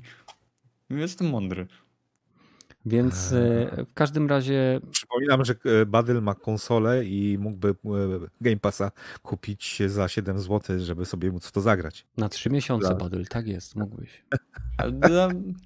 No co mam? No, co tam dalej? Te tematy? Co? W każdym razie pytanie teraz do posiadaczy lub nieposiadaczy PlayStation 5. O! Również na czacie. Jeżeli słuchacie nas offline, postarajcie się troszeczkę, poczyńcie wysiłek, wejdźcie do nas na kanał pod ten konkretny materiał i napiszcie, czy planujecie zakupić dysk do PlayStation 5. Mówię o tym zewnętrznym NVMe. E, minimalna cena tam jest bodajże, mówię o 1 terabajtowych, bo są też niższe, ale myślę, że 1 terabajt to jest minimalny sens zakupu. To jest około 1100, załóżmy 1200 zł. Czy planujecie zakupić dysk do swojej konsoli PlayStation 5 i w jakim rozmiarze? To jest pierwsza rzecz. E, więc, e, a druga rzecz to oczywiście wejdźcie na linki, wejdźcie na Discord. Tak. Badel, ty planujesz kupić? No, po, po, tak. Przed chwilą ci powiedziałem, że ja umiem usuwać gry. Jestem na tyle inteligentny i nie będę na tyle głupi, żeby wydawać 1000 zł na dysk, jak nie muszę. Pozdrawiam. A jakbyś musiał? Pozdrawiasz. Kurwa, no jak, kurwa, jak trzeba, to trzeba. A jak Apex się rozrośnie bardziej niż yy, Call of Duty? Nie no, da się rozrosnąć, rozrosnąć bardziej niż Warzone. Po prostu się nie da. Komórki rakowe się tak nie rozrastają poza Call of Duty, tak? Nie, serio. Warzone waży chyba z dwa razy więcej niż Apex. 260 chyba gigabajtów, coś takiego. Dużo. Więc no, beczka. Okej, okay, słuchajcie, tematy nieplanowane, więc e, przechodzimy. Co ciekawego się u was działo? E, poza tym Jakie macie tematy nieplanowane? Horizon Forbidden West prawdopodobnie zostanie przesunięty na początek 2022 roku. Co sądzicie? Hmm. Oh no. Anyway. oj tak, oj tak. Kto zna mema, ten wie o co chodzi. Y, ja osobiście nie mam nic przeciwko opóźnieniom gier. Mam teraz tyle gier, w które mam, mam możliwość zagrania, że jeżeli jakaś gierka mi ucieka kilka miesięcy w przyszłość, to ja tylko tak patrzę, mój Boże, dzięki Bogu. no, będzie więcej pieniędzy na inne gry, które akurat będą wychodzić. Więc jeżeli to sprawi, że gierka pod, podskoczy w jakości lub utrzyma jakość, nie ma sprawy. Roga, ty, ty akurat nie grasz na konsoli, ale to opóźni też premierę Horizon Zero Forbidden West na PC, więc jak tam? No, no, nie, no dla mnie to problemu nie robi. No chyba, żebym miał PlayStation 5 i chciałbym pograć w jakiegoś AAA pod sam koniec tego roku, a to chyba po to się tą konsolę ma, żeby w AAA te najwa najważniejsze grać, a tu wygląda, że mhm. żadnego chyba takiego nie będzie od, od Sony. Y, no, żebym był troszkę szczęśliwy i w stylu Badyla, na Xboxa też. No, oprócz Halo nie, i Nie, na Xboxa Fordy... pod koniec roku będą dwie gry akurat. No. no ale na Sony już wyszły przecież AAA. E. No, no, no właśnie, no na, i, Sony i... też wyszły dwie gry, więc jest no, remis. Więc jest remis, no. no. Tak, no, w tym roku, tylko ten, ja bym, jakbym miał tą konsolę, to tak by się była kurzyła, nie, no, bo na Xie jeszcze ten gamepad, co właśnie coś mi wpadnie, a na PlayStation się gra te największe AAA od Sony, to jest najważniejsza rzecz, nie? No jakbym, Jak miał multi, multi, jakbym miał multiplatformowe e, takie e, hobby, żebym miał wszystkie rzeczywiście konsole, no to, to ten PlayStation by był najmniej używaną konsolą pewnie. Hm. No, pewnie tak. W sensie, no czysto teoretycznie nie, nie, pod koniec roku wychodzi jeszcze Deathloop, ale on jest grą czasowo ekskluzywną i będzie też dostępny na PC, więc ciebie akurat to nie dotyczy, no bo no prawdopodobnie to, to i tak grał wtedy... Nie no, mówię no czysto z, z, punktu widzenia osoby, która miała wszystkie platformy, no, albo przynajmniej trzy albo cztery platformy i y, okazałoby się, wydałeś te y, 2,350 czy 2,800 jak mój kumpel od łebka y, i no spoko, pogram sobie w jedną, dwie gry, no i potem FIFA. Ewentualnie może Call of Duty. I to wszystko. Hmm. I właśnie jeden z tych tytułów najbardziej takich, co, co, co właśnie sprzedały mi tą konsolę, został rzekomo przesunięty na przyszły rok. Kurwa, no, taka bieda trochę. No, czy rzekomo. Jeśli Jason Schreier o czymś pisze na Twitterze, to prawdopodobnie jest to prawda. Umówmy się. No, ten gościu ma dobry track record, jak to się mówi, nie? Ma świetny track record. Hmm. I dwie dobre książki, jakby co. Tak. Raptor pisze, że tak. kogo obchodzą eksy, skoro nowy Battlefield, Battlefield wychodzi. No, ja czekam na Battlefielda jak szczerbaty na suchary i bezzębny na szczękę, więc naprawdę. Um, co jeszcze ciekawego się działo? Jak, co sądzicie o tym całym zamieszaniu z Activision Blizzard? Co prawda nie będziemy robić specjalnego epizodu, ale jak ktoś już został do tego momentu, chyba zależy znaczy, należy im się troszeczkę od nas na temat tego całego zamieszania. Ja mogę Wam powiedzieć, że jeżeli o mnie chodzi, bardzo czekam na, na e, Diablo 4 i remake Diablo, remaster w zasadzie, chociaż w pewnym no sensie remake. Co sądzicie o aferze w Blizzardzie? Ja czekam na Diablo. Ale daj, daj mi skończyć, daj mi skończyć. I jednak zastanawiając się nad tym, co się działo, mimo że bardzo chcę zagrać w te gry, już jakiś czas temu, walcząc z sobą, bo jestem graczem. My gracze nie potrafimy sobie odmawiać przyjemności. No tacy jesteśmy. Niestety yy, tacy jesteśmy. Ale mimo wszystko podjąłem jakby decyzję, że nie będę kupował tych gier na premierę i co więcej, jeśli tylko mi się uda, i to nie chodzi o to, żeby karać twórców, bo wiadomo, że twórcy pracowali i, i tak dalej. Nie chcę wspierać Blizzarda jako firmy, która przez tyle, tyle lat e, propagowała, czy raczej przymykała oko na to wszystko, co się działo, mimo że to było oczywiście e, zgłaszane i tuszowane i, i w ogóle no, wiadomo, jak to się dzieje. I doprowadziło to do śmierci osoby. Ja osobiście postanowiłem, że nie będę kupował ani Diablo 4, ani e, Diablo Remastera, mimo że bardzo chciałem na pewno nie w sposób, który doprowadziłby pieniądze do Blizzarda. Jeżeli będę kupował te tytuły, to będę kupował je w wersji używanej, jeżeli, jeśli w ogóle. Znaczy na pewno, kuźwa, no bądźmy szczerzy, na pewno je kupię. Jestem fanem Diablo i w dwójkę zagrywałem się tak samo jak w jedynkę i na pewno je kupię. Ale kiedy to będzie i w jakiej formie, Trudno mi powiedzieć. Na chwilę obecną nie spodziewajcie się żadnych materiałów na kanale związanych z Diablo 4 w momencie, kiedy gra będzie miała premierę y, i żadnych materiałów z Diablo Resurrection. bo no to jest godne potępienia, jeżeli chodzi o mnie i tak, tak, tak w tym miejscu stoję. Nie wiem, jak, jak wy to widzicie. Zgadzam się. Nie no, jak najbardziej trzeba tak, tego typu sytuacje potępiać, tylko ja osobiście uważam, że wypadałoby oddzielać dzieło od twórcy i według mnie szkoda by było karać jakby całą korporację, w której pracują też normalni, porządni ludzie, którzy mhm. ciężko pracowali nad tymi produktami, tylko dlatego, bo jakiś procent innych pracowników e, są totalnymi ludzkimi skambagami, którzy utrudniają innym życie. Zgadzam się. Wiesz co? Mm, ja, ja osobiście kupię remastera Diablo 2 prawdopodobnie. Nie wiem czy na premierę, ale pewnie w okolicach tak może miesiąca, maks dwóch od premiery. E, no bo nigdy nie grałem w tą grę i po prostu jestem nią bardzo zainteresowany. E, jeśli chodzi o Diablo 4, to przez samą strukturę bardziej sieciową tego tytułu jestem nim ciupkę mniej zainteresowany, bo nie lubię takich hack and slash MMO. E, więc no, w przypadku tego tytułu akurat nic się wobec mnie nie zmieni, a Overwatch 2 jest chyba przez mało kogo oczekiwany, więc e, no, to się też w sumie. Ta sytuacja z pracownikami nijak nie zmienia sytuacji tej gry, o tak bym to powiedział. Tak, to znaczy z jednej strony zgadzam się z tobą, to znaczy zgadzam się z wami yy, oboma, Zgadzam się z wami, chłopaki.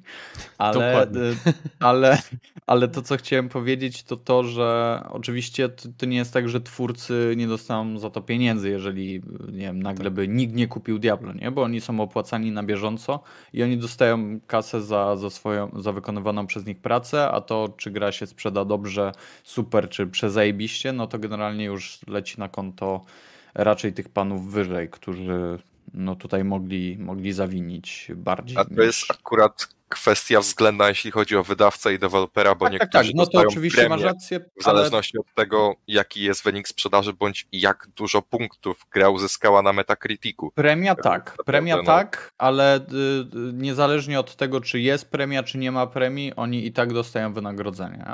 Y, I chciałbym zaznaczyć też, że pracownicy Activision Blizzard sami w chwili obecnej są w trakcie strajku i y, to może wpłynąć również na powstawanie kolejnych aktualizacji y, do gier takich jak Call of Duty Warzone i World of Warcraft.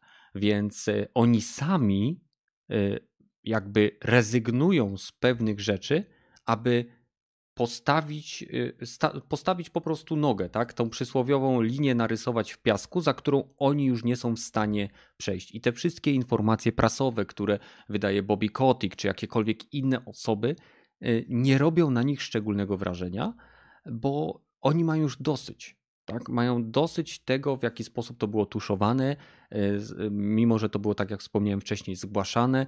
Podobno te 800 osób, które było zwolnione rok czy dwa lata temu, Bloomberg albo nawet nie wiem czy Schreier nie informował o tym, że część tych zwolnień mogła być e, sprawy związane z tymi oskarżeniami, nie, nie z tymi konkretnie, ale z innymi, które pojawiały się w firmie. I te zwolnienia dotyczyły wtedy w tym momencie zarówno osób, które mogły być ofiarami, jak i tych, które były e, przysłowiowymi oprawcami, jak i zupełnie innych osób, które przy okazji dostały wypowiedzenie. Więc skoro sami pracownicy są na tyle zdeterminowani, tu piszę, już ponad 2600 pracowników Activision podpisało się pod listem otwartym, który krytykuje ostatnie działania korporacji. E, I co więcej, e, nie milkną e, echa skandalu Activision. Nie tylko jeden deweloper World of Warcraft postanowił zareagować i, i są ponad tysiąc pracowników i tak dalej. Wszyscy, nie wiem, mają e, strajki, że siedzą i nie pracują, że odmawiają współpracy, więc oni sami decydują się na to wyrzeczenie, że są gotowi poświęcić pewne rzeczy. Myślę, że jeżeli my gracze ich wesprzemy i pokażemy Activision, które już teraz traci miliardy dolarów na giełdach, to być może będzie to wymagało od nich jakiegoś resetu. Wiadomo, jak, jak my, gracze, jesteśmy zorganizowani, jeżeli chodzi o bojkoty, więc nie, nie, nie, nie, nie oczekuję tutaj sukcesu żadnego tak naprawdę, ale każdy indywidualnie. Zdecydowanie go nie będzie. No, e, e, zdecydowanie każdy indywidualnie powinien zdecydować, e, co chce z tym zrobić. No, ja, ja wiem, co zrobię. Nie potępiam w żadnym wypadku osób, które będą chciały kupić tą grę na premierę. To są tytuły, na które my jako fani serii czekaliśmy latami. I gdyby, gdyby nie fakt, że mam tyle innych tytułów do ogrania, i jakby ja nie jestem graczem jakby jednego tytułu, tak jak są osoby, które na przykład grają tylko w Battlefielda, to pewnie bym sobie nie był w stanie odmówić. Tak? Gratyfikacja dla gracza jest fantastyczna i lubimy to, ale w tym wypadku po prostu sobie odpuszczę. No, trzeba też pamiętać, że w tej chwili już nie ma żadnych wątpliwości e, na to, jakie jakości będą wychodzące następne gry. Będą mhm. gorsze od poprzednich, to już jest fakt. To, to już w przypadku Warcrafta czy Reforge było, sami wiedzieli, że jakoś zupełnie nie, nie będą mogli dostarczyć tego, co pokazywali, co zapowiedzieli i absolutnie nie mieli z tym żadnego problemu, bo to jednak zgłaszane najwyższy sztab i niestety sytuacja jest taka, że no Blizzard to tak gnije od głowy i wygląda na to, że jeszcze Halo? Rogaty? Halo? Halo? Halo, Rogaty? Dobra, też powiem. Halo, Rogaty? Rogaty, straciliśmy o, cię super, na chwilę. Ja... Nie wiem z, z, jakiego powodu, ale Rogatemu chyba coś nawija, e, na, nawala internet. Rogaty na chwilkę, e, zaraz będziemy testować Badel, kontynuuj. Ja? Tak. To ja będę Aha, do, Dobra, już mówię. Halo, Rogaty, halo. A, dobra, dziękujemy. No, teraz jestem, jestem, jestem. Okej, okay, Rogaty wrócił, mamy go. Okej, okay, jedziemy dalej, jedziesz dalej. Okej. Okay, y Zaczęliśmy cię tracić w momencie, kiedy mówiłeś o tym, że gry są coraz gorsze i że tak naprawdę yy, gnije od głowy. O. Tak, no i też właśnie dziwię mnie to, że gnije od głowy, bo to, co właśnie zarząd robi w tej sprawie, to jest takie świadoma e, rozwalanie firmy, moim zdaniem już teraz. Oni hmm. wiedzą, że to jest z, e, no, to doprowadzi do rozpadu całe po prostu e, części developingowej, ta, która im zarabia. I oni to, dla mnie to nie, mo, no, nie można być aż tak głupim. Oni to robią świadomie. Nie zależy im zupełnie na tym, żeby Blizzard jako Blizzard został e, firmą, która zrobiła takie wspaniałe gry jak Diablo, StarCraft czy World of Warcraft. No i e, oni mają robić pieniądze i nie zależy im, jak będą robić te, te pieniądze. Czy to będą właśnie AAA, czy, czy gry na komórkę. I w tym kierunku właśnie leci teraz Blizzard. Gry na komórkę. Free to playe, które będą przynosiły jak najwyższy e, zysk i jak najmniejszym nakładem e, wydatków. Mhm. To, jest, to już jest fakt dla mnie. Nie ma co inwestować, nie ma co się e, podniecać Diablo 4 czy, czy Overwatchem 2. To będą gry, które będą już na niższym poziomie co, poprze co poprzednie. Mhm. Diablo na komórki podobno fajne jest. E, tak, ale Diablo na komórki nie zrobione przez Blizzarda. A właśnie, to jest też fakt, że to robi Tencent. I NetEase to... chyba się nazywa firma, która to robi. To zarabia, to zarabia. Okej, okay, chciałbym tylko za, tutaj jeszcze wspomnieć, że mamy z czatu informację, że y, Damian na przykład mówi, że coś mu się obiło, ale żeby streścić aferę. Więc jeżeli nie jesteście na czasie z tym konkretnym y, eventem, to chodzi o tajne, zaznaczam tajne śledztwo, które było przez kilka lat prowadzone przez stan Kalifornia względem Activision Blizzard odnośnie podejrzeń związanych z molestowaniem i jakby nie wiem, no, nie, niedocenianiem czy niepromowaniem i ogólnym złym traktowaniem niektórych grup pracowniczych w Activision Blizzard chodziło innymi o, o, kobiety. Mówimy tutaj o sytuacjach, które doprowadziły jedną kobietę do popełnienia samobójstwa podczas wyjazdu firmowego, na którym znajdowała się z jednym z szefów Activision Blizzard. E, mówimy o kobiecie, której nagie zdjęcia były przesyłane między pracownikami w trakcie imprezy świątecznej. Mówimy o sytuacji, gdzie e, pracownicy Activision Blizzard wyższego szczebla e, robili sobie tak zwane box runy, czyli sytuacje, kiedy y, na przykład pod wpływem alkoholu czy innych środków odurzających chodzili na czworakach między kubikami, w których znajdowały się kobiety y, i robili sobie z tego zawody czy jakieś inne żarty. Więc mówimy o tutaj zachowaniu, które pasuje do jak to y, opisali niektórzy dziennikarze, czy nawet w samym pozwie jest to opisane, jako mentalność y, tak zwanych bractw studenckich. Czyli totalna niedojrzałość i brak szacunku wobec innych członków naszej grupy, czy to będą kobiety, czy, czy nie wiem, czy mężczyźni, nieważne. Chodziło o sposób zachowania, który doprowadził do bardzo nieprzyjemnych doświadczeń dla osób trzecich, więc. No, tak dorzucę swoje dwa mhm. grosze, hmm. trzeba pamiętać, że kultura pracy w Stanach jest dużo in, inna moim zdaniem od tego, co się za kulturę pracy w Polsce przyjmuje, bo u nich jednak te godziny są dłuższe, tak. ale na przykład w środku dnia wychodzisz na, na, na godzinę na lunch, na tak. którym sobie strzelisz dwa piwa. I, no, i zgadza się, ale, ale nie wysyłasz takiego... sobie gołych zdjęć swojej y, koleżanki z pracy podczas świątecznej imprezy firmowej. I tam chujowych masz kolegów po prostu. tak, tak. Po prostu to był żart, żeby, żeby To był żart. Było, nie, nie jeźdźcie po rogatym, ja tak on ma po prostu ale... takie poczucie humoru jak my wszyscy. E, mm, inne rodzaje, no... To jest e, Wiesz, legit, brak awansu, tak powiem. niższe pensje, e, tak, nie, tak, niedwuznaczne jest... komentarze, nie wiem, odnoszenie się bez szacunku do innych pracowników, pracownic. E, I tak jak tak, mówię, no, tak, jedna no. osoba odebrała sobie życie. To nie są rzeczy takie, jak ktoś mówi, że miał crunch i nie wiem, i był u psychologa, żeby sobie z tym poradzić, bo miał załamanie nerwowe. Tutaj mówimy Oczywiście o. tutaj też nie umniejszajmy problemom psychicznym. Wiadomo, tak. Jak najbardziej. Badel wie e, jak naj... E, sam z, pierwszego, z pierwszej ręki. Więc y tutaj mówię po prostu o tym, że to nie jest coś, co powinno ujść płazem, ponieważ tego typu, wspominam to już po raz trzeci chyba, rzeczy były zgłaszane do y, działu HR i one były albo y, ignorowane, albo ugładzane, albo takie osoby były wprost zwalniane. I tu mówimy, tak jak mówię, to nie jest to, że jeden pracownik to zgłosił. Mówimy o tajnym śledztwie prowadzonym przez stan Kalifornia wobec firmy. To nie są już, y, y, to nie jest już artykuł Jasona Schreiera. Tak? To jest śledztwo, które tak, trwało kilka lat.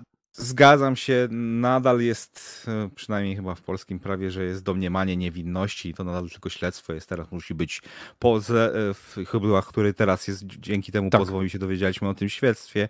No i teraz trafia, trafia sprawa do sądu. No i po wynikach sądu i jak będziesz śledzić w pełni, to będziesz mógł poznać każdy kontekst do sytuacji, które tam się zdarzyły, obydwu stron. Zgadza I na podstawie się. tego będzie ten wysnuty wyrok. No i wtedy możesz się zgadzać albo nie zgadzać z tym wyrokiem. Na razie to wszystko można też podsumować, a to są pomówienia, tak jak to Activision e, e, oficjalnie e, e do, do, do, publiki powiedziało, do, do, do prasy i do, do ludzi, a do swoich e, pracowników, nie, nie, nie, że oni poważnie to traktują.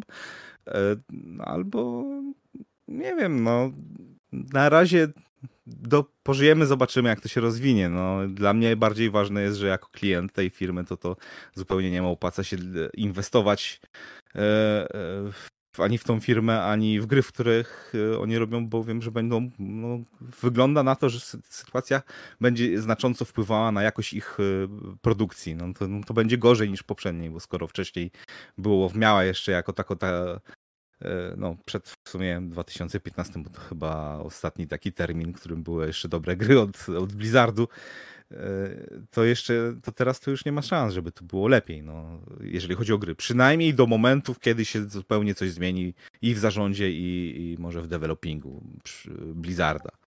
Mhm. To za 10 może, możemy sprawdzić, jakie ich gry będą wtedy. No dokładnie. Sąd rozstrzygnie wszystko, a gracze i tak podejmą swoje decyzje i pewnie spora część nadal kupi gry, no bo to są gry, tak? Większość graczy nie chce brać udziału w dramacie, chce po prostu hmm. iść, nie wiem, do sklepu, kupić grę i bawić się dobrze. Tak jak no, większość no. ludzi kupując mięso w sklepie nie zastanawia się skąd ono się wzięło w tym małym, ładnym opakowaniu bez krwi kuźwa. Oh, nie no wiadomo, w sensie w przypadku casualowych graczy jak najbardziej nie powinno się ich winić, no bo oni po prostu nie są zainteresowani na tyle, tak. aby mieć świadomość, że takie sytuacje w ogóle mają miejsca. Mhm. Więc od nich nie ma nawet co oczekiwać. Ale w przypadku takich no, w cudzysłowie, hardkorowych graczy. Nienawidzę tego określenia, ale nie mamy żadnego innego niestety, nikt innego nie wymyślił. E, no to są to osoby, które mają o wiele większy no, insight, jeśli chodzi o sytuację w branży, no i oni mogą o wiele bardziej świadomie podejmować decyzje na temat tego, jakie produkty wybierają, nie? I właśnie dlatego nie zgadzam się z Gragim. Gragi co prawda nie jest na podcaście, ale jest na czacie i on wyraził opinię, która brzmi następująco. Ta, ale dopóki nie odbija się to na jakości gry, to wiesz nawet. A, nie czekaj, to nie ten komentarz. To, to, pomijamy składnie, okej, okay, sorry. E, tam było, że dopóki to się nie odbija na jakości gry, no to nie powinno nas to w ogóle interesować. I ja osobiście jestem w 100% e, nie zgadzam się z tą opinią. Powinniśmy się tym interesować i powinniśmy na podstawie właśnie tego, co wiemy na temat tej sytuacji, podejmować decyzję, czy chcemy inwestować w tą grę, czy nie. W sensie... też, też, też, też, też się zgadzam w tym, że jednak jeżeli e, lubisz wiedzieć, co jeść, to jednak powinieneś wiedzieć, jak to jest zrobione i e, no tak. dosłowna analogia jest to, ja wiem, zgadzam się na to, żeby na przykład zwierzęta były humanitarnie zabijane w rzeźni, żeby mógł sobie no tak. korzystać z, z ich e, mięsa do, do jedzenia i z tym nie mam żadnego problemu, ale jednak nie wolałbym, żeby jacyś przydupasy wzięli, szachtowali e, ręcznie, e, podrzynywali gardła i te zwierzęta się męczyły. No nie, to, to już jednak odzywa się ta resztka ludzkości we mnie i nie, nie, nie powinno się tak traktować zwierzęta. A co dopiero ludzi? No dokładnie. Mać, no, dokładnie. Takie zachowanie to i to właśnie jest podstawa Blizzardu. Oni nie mają, oni mają w, e, nawet w dupie to w tej chwili, czy to będzie im szkodziło w przynoszeniu pieniędzy, bo taka sytuacja, jak ta jest w Blizzardzie opisana w tym pozwie, to, to, to jest chujowo miejsce do pracy. W takim miejscu się chujowo pracuje, a jak się chujowo pracuje, to wyniki też są gorsze. I mhm. to w, rzeczy, w, w, rzeczywistości przekłada się na to, że jakość tych gier leci w dół, no a za tym też jakoś może w końcu sprzeda sprzedawanie tych yy, yy, zyski z tych gier może wreszcie spad spadną. No, ale też miejmy nadzieję.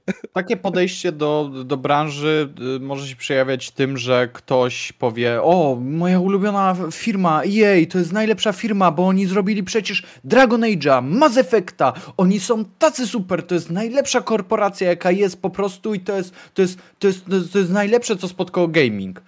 No. Kurwa nie, nie do końca właśnie. Właśnie wiesz co, a najgorsze jest w tym wszystkim to, że mimo tego, że e, ludzie, którzy siedzą w branży, wiedzą, jakiego rodzaju klimaty panują tam, bo ja sam wiem, że pracując w określonej branży się rozmawia o y, pracodawcach, o klientach. To wie każdy, kto pracuje w danej branży, tak? To są pewne informacje, które są wewnątrzbranżowe. I Mimo tego ludzie, którzy są niesamowicie kreatywni, pełni pasji do tego, co chcą robić, czy to są graficy, muzycy, yy, animatorzy, idą do tych firm dlatego, że później posiadanie w CV informacji, że pracowałeś, nie wiem, w, yy, nie wiem, w Blizzardzie nad tym i tym tytułem i robiłeś takie i takie rzeczy, to jest ogromne odbicie się i potencjalna szansa na jeszcze większy, na przykład sukces zawodowy w innej firmie czy w, innej, w innym dziale. I mimo że oni to wiedzą, są świadomi, że tam jest źle, ludzie mówią, słuchaj stary, nie idź tam, bo, bo zwłaszcza załóżmy kobieta, tak, animatorka, czy e, to będzie, nie wiem, e, programistka, nie idź tam, bo tam jest okropnie, naprawdę. Nie, no na pewno nie jest tak źle, dam sobie radę, jestem i taka, i taka, i taka. I później, okej, okay, przez rok, dwa, trzy ktoś sobie daje radę, ale przy którymś roku psychicznie człowiek po prostu siada. Ale mimo to ludzie nadal się decydują, wiedząc w co w pewnym sensie się pakują, ale nie do końca. No.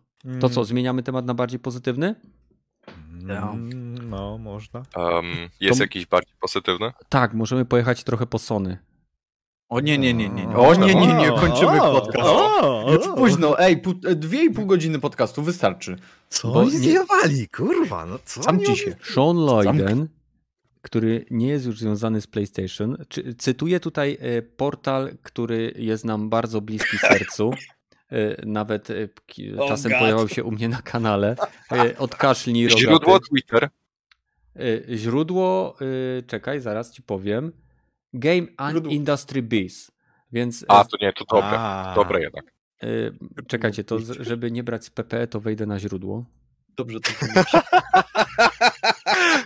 Oj tak, tak. Zachęcamy widzów do robienia tego samego. E, nie, no słuchajcie. Co Śmiejemy się, ale trochę tak. Okay. Śmiejemy się, Więc... ale trochę tak. W sensie, ej, w ten sposób robi, robicie kliki dla PPE, przez co chłopaki i dziewczęta dostają pieniądze, a sami dostajecie e, źródło informacji takie bardziej rzetelne, więc to jest tak. win-win tak. dla każdego. Tak, więc wspierajcie podcast Gracz Watch, lajki, subskrypcje i komentarze, to wszystko karmi algorytm YouTube. E, Klipa więc... poprosimy z tego fragmentu.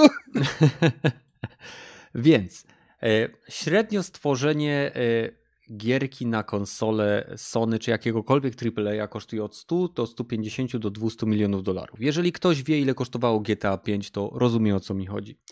I e, według Shona Lloydena, który już nie jest częścią e, marki PlayStation, inform, e, jakby on nawiązuje do tego, że usługi subskrypcyjne tak naprawdę nie są w stanie przynieść w dużym, w szerokim jakby okresie czasu zysków, które pozwolą utrzymać gry AAA e, jako tytuły, które będą się nadal pojawiać. Dlatego Sony e, doszło do wniosku, że musi podnieść ceny gier, aby utrzymać możliwość wewnętrznego tworzenia tytułów AAA. I czy uważacie, że to jest bullshit, czy uważacie, że to jest prawda?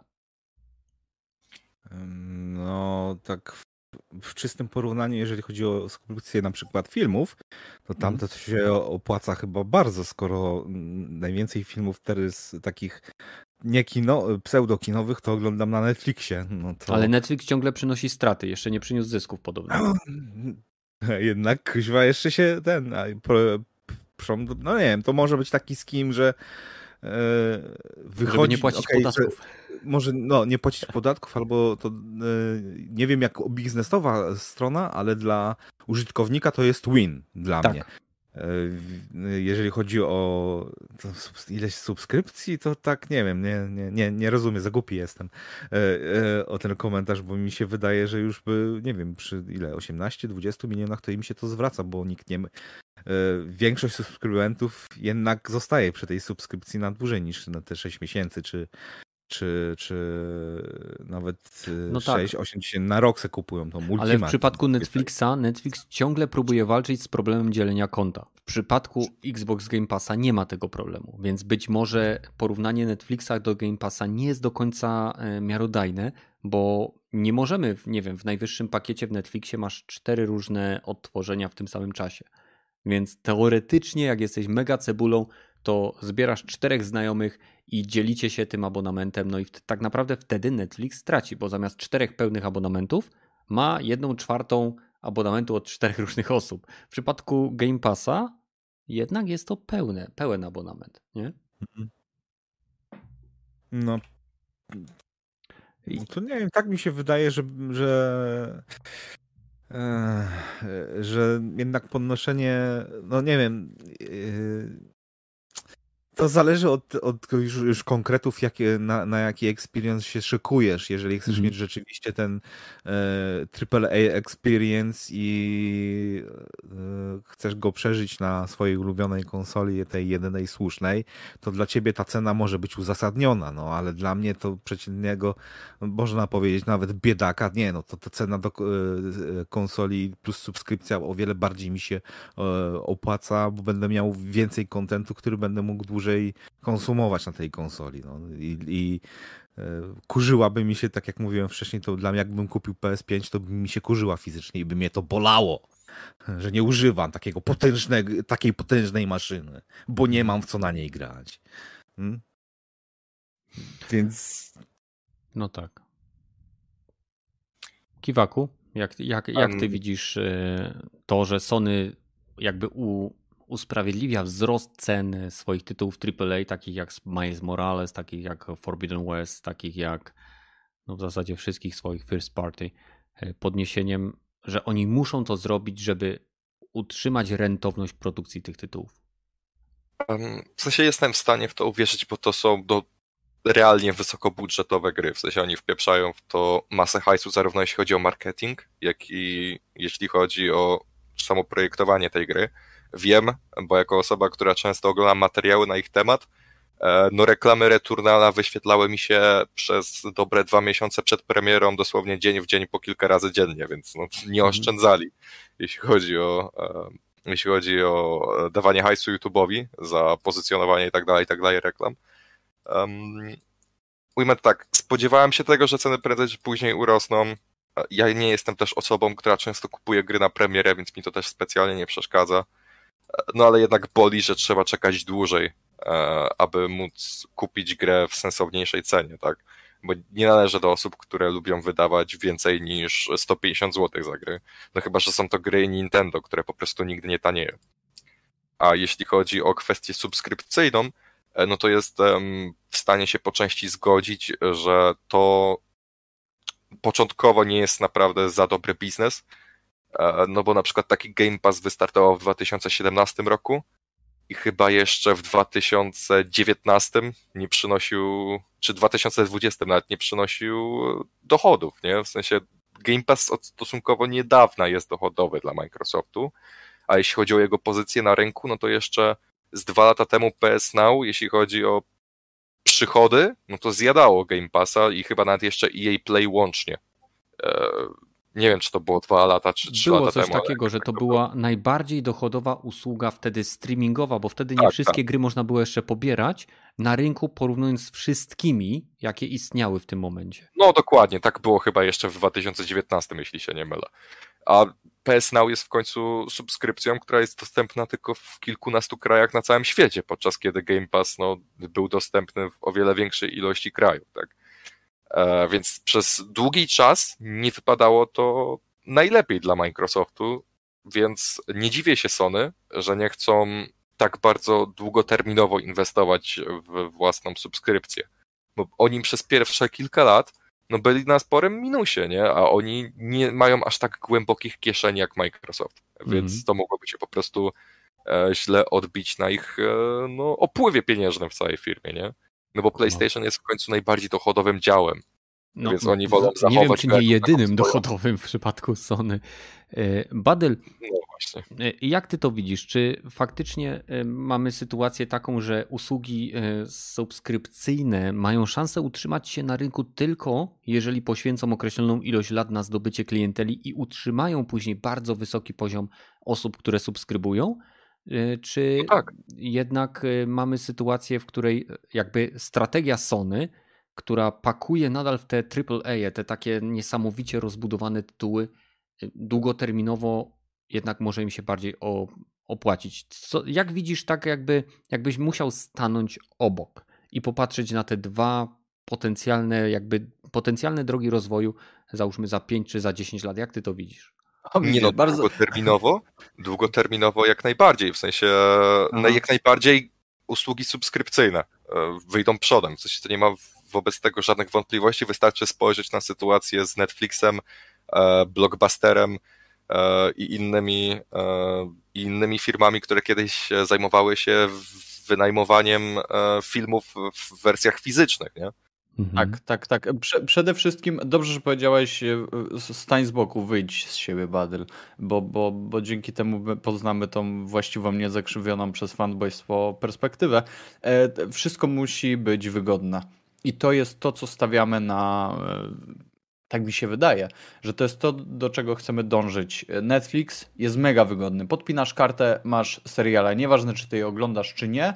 Ty wiesz, że w każdym momencie możesz sobie kliknąć i masz tam coś do oglądania. Masz twój e, serial, masz twój film, wejdzie coś nowego. Nie musisz iść do kina, nie musisz e, szukać miejsca parkingowego. To sram, to wam to.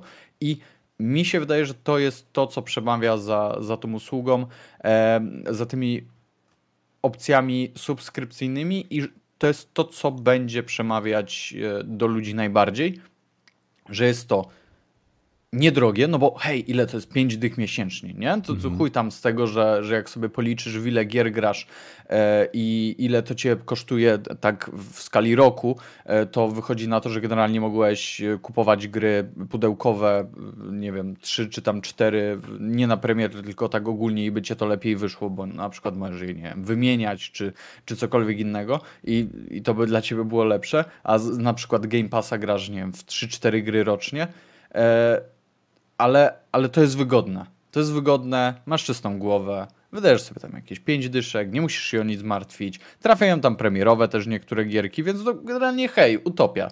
I mi się wydaje, że to jest ta droga, którą, e, którą będziemy chcieli, e, tak w cudzysłowie, iść. A powiedz mi, czy myślisz, że Sony zdąży z przesiadką? Myślę, że Sony nie musi nadążać, bo oni mają bardzo dużo swoich, no powiedzmy, mają całą tę armię tych, tych głupich fanboi, mają e, mocne tytuły w swojej ofercie i to nie jest tak, że oni muszą e, już startować, oni muszą ruszyć wtedy, kiedy e, wtedy, kiedy wystrze, wystrzeli się z tego, z tego pistoletu, tylko oni mogą w to wejść, oby się tylko nie spóźnili, nie? Oby w ogóle dobiegli na, no wystartowali w tym wyścigu. Myślisz, że wyczują moment? E, czy mają teraz... dużo czasu. Mają dużo czasu, bo dopóki mają te marki, dopóki mogą, to wydaje mi się, że tutaj nie ma problemu, tylko oni muszą kurwa zdążyć w ogóle na ten statek. To nie jest tak, że oni muszą być o godzinie 12, kiedy statek, e, że tak powiem, zbiera ludzi, tylko oni muszą w, zdążyć wskoczyć na w ogóle ten statek z tego, nie wiem, kurwa, z tej rampy wielkiej o długości 45 metrów, bo już jest czas, Sony drogie, żeby cokolwiek się w tym momencie zadziało, e, bo przypomnijmy, oni mają te rzeczy. Oni mają PlayStation Now. Wystarczy mhm. tylko to troszeczkę przerobić i wypuścić na cały świat. I generalnie to jest do zrobienia. Tylko oni, tak jak mówię, muszą założyć buty i mus, musi im się chcieć e, wejść w ogóle do tego wyścigu. Mhm. Plus jeden. Czyli e, to, co mówił e, Jim Ryan, który w jednym z wywiadów wspomniał, że Sony pracuje nad różnymi wersjami odpowiedzi na Game Passa Microsoftu, tylko że tak naprawdę jak będą mieli coś konkretnego, żeby pokazać, to to pokażą. Czy, czyli jakby Sony już może się przygotowywać do tego, tak? Czy chodzi, jakby jest pewna tendencja, tak? Mamy w chwili obecnej, załóżmy na świecie trzy główne usługi streamingowe. Mamy Netflixa, mamy Amazon Prime'a i mamy HBO Max w przypadku zagranicy, w Polsce nadal HBO Go. Czy nie będzie takiej sytuacji, że Mamy, nie wiem, GeForce Now dla PC-owców, Xbox X Cloud czy Xbox Game Pass również dla kons konsolowców i PC-owców i nagle Sony tak naprawdę jest trzecią firmą, która próbuje wprowadzić jakąś usługę, która nie tylko ma y, oprogramowanie, które jest dedykowane dla platformy PlayStation, ale także tylko w tym oprogramowaniu będzie załóżmy tylko kilka tytułów na PC. Czy to nie będzie za mało? Czy oni za bardzo nie stawiają na sprzęt? To jest ostatnie pytanie i będziemy kończyć. Zero odpowiedzi. No, połączenie sprzętu jest dosyć ważne chyba, bo teraz nawet e, głupie Valve zdało sobie z tego sprawę, że jak nie będą mieli sprzętu, to już bardziej się nie rozwiną. Mhm.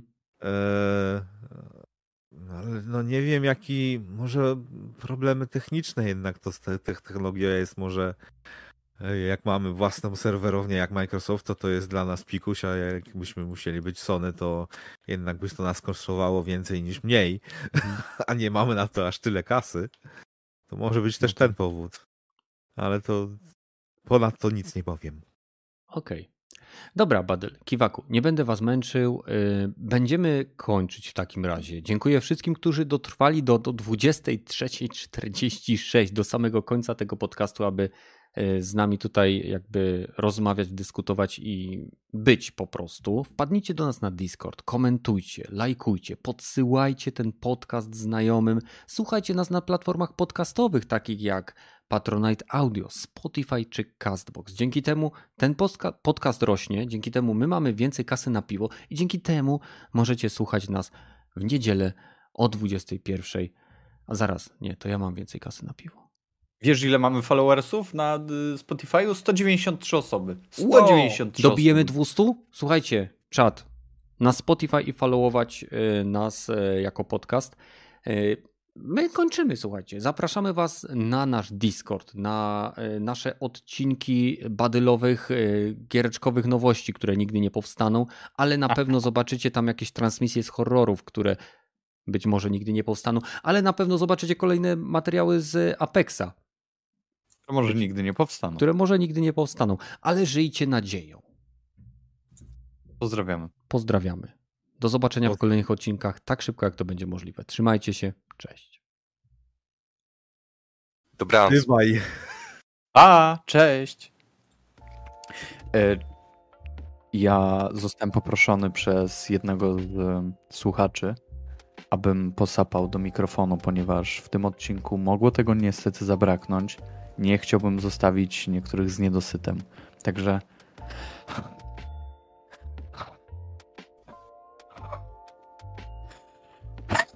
Dobra, kurwa, koniec. Zasapałem się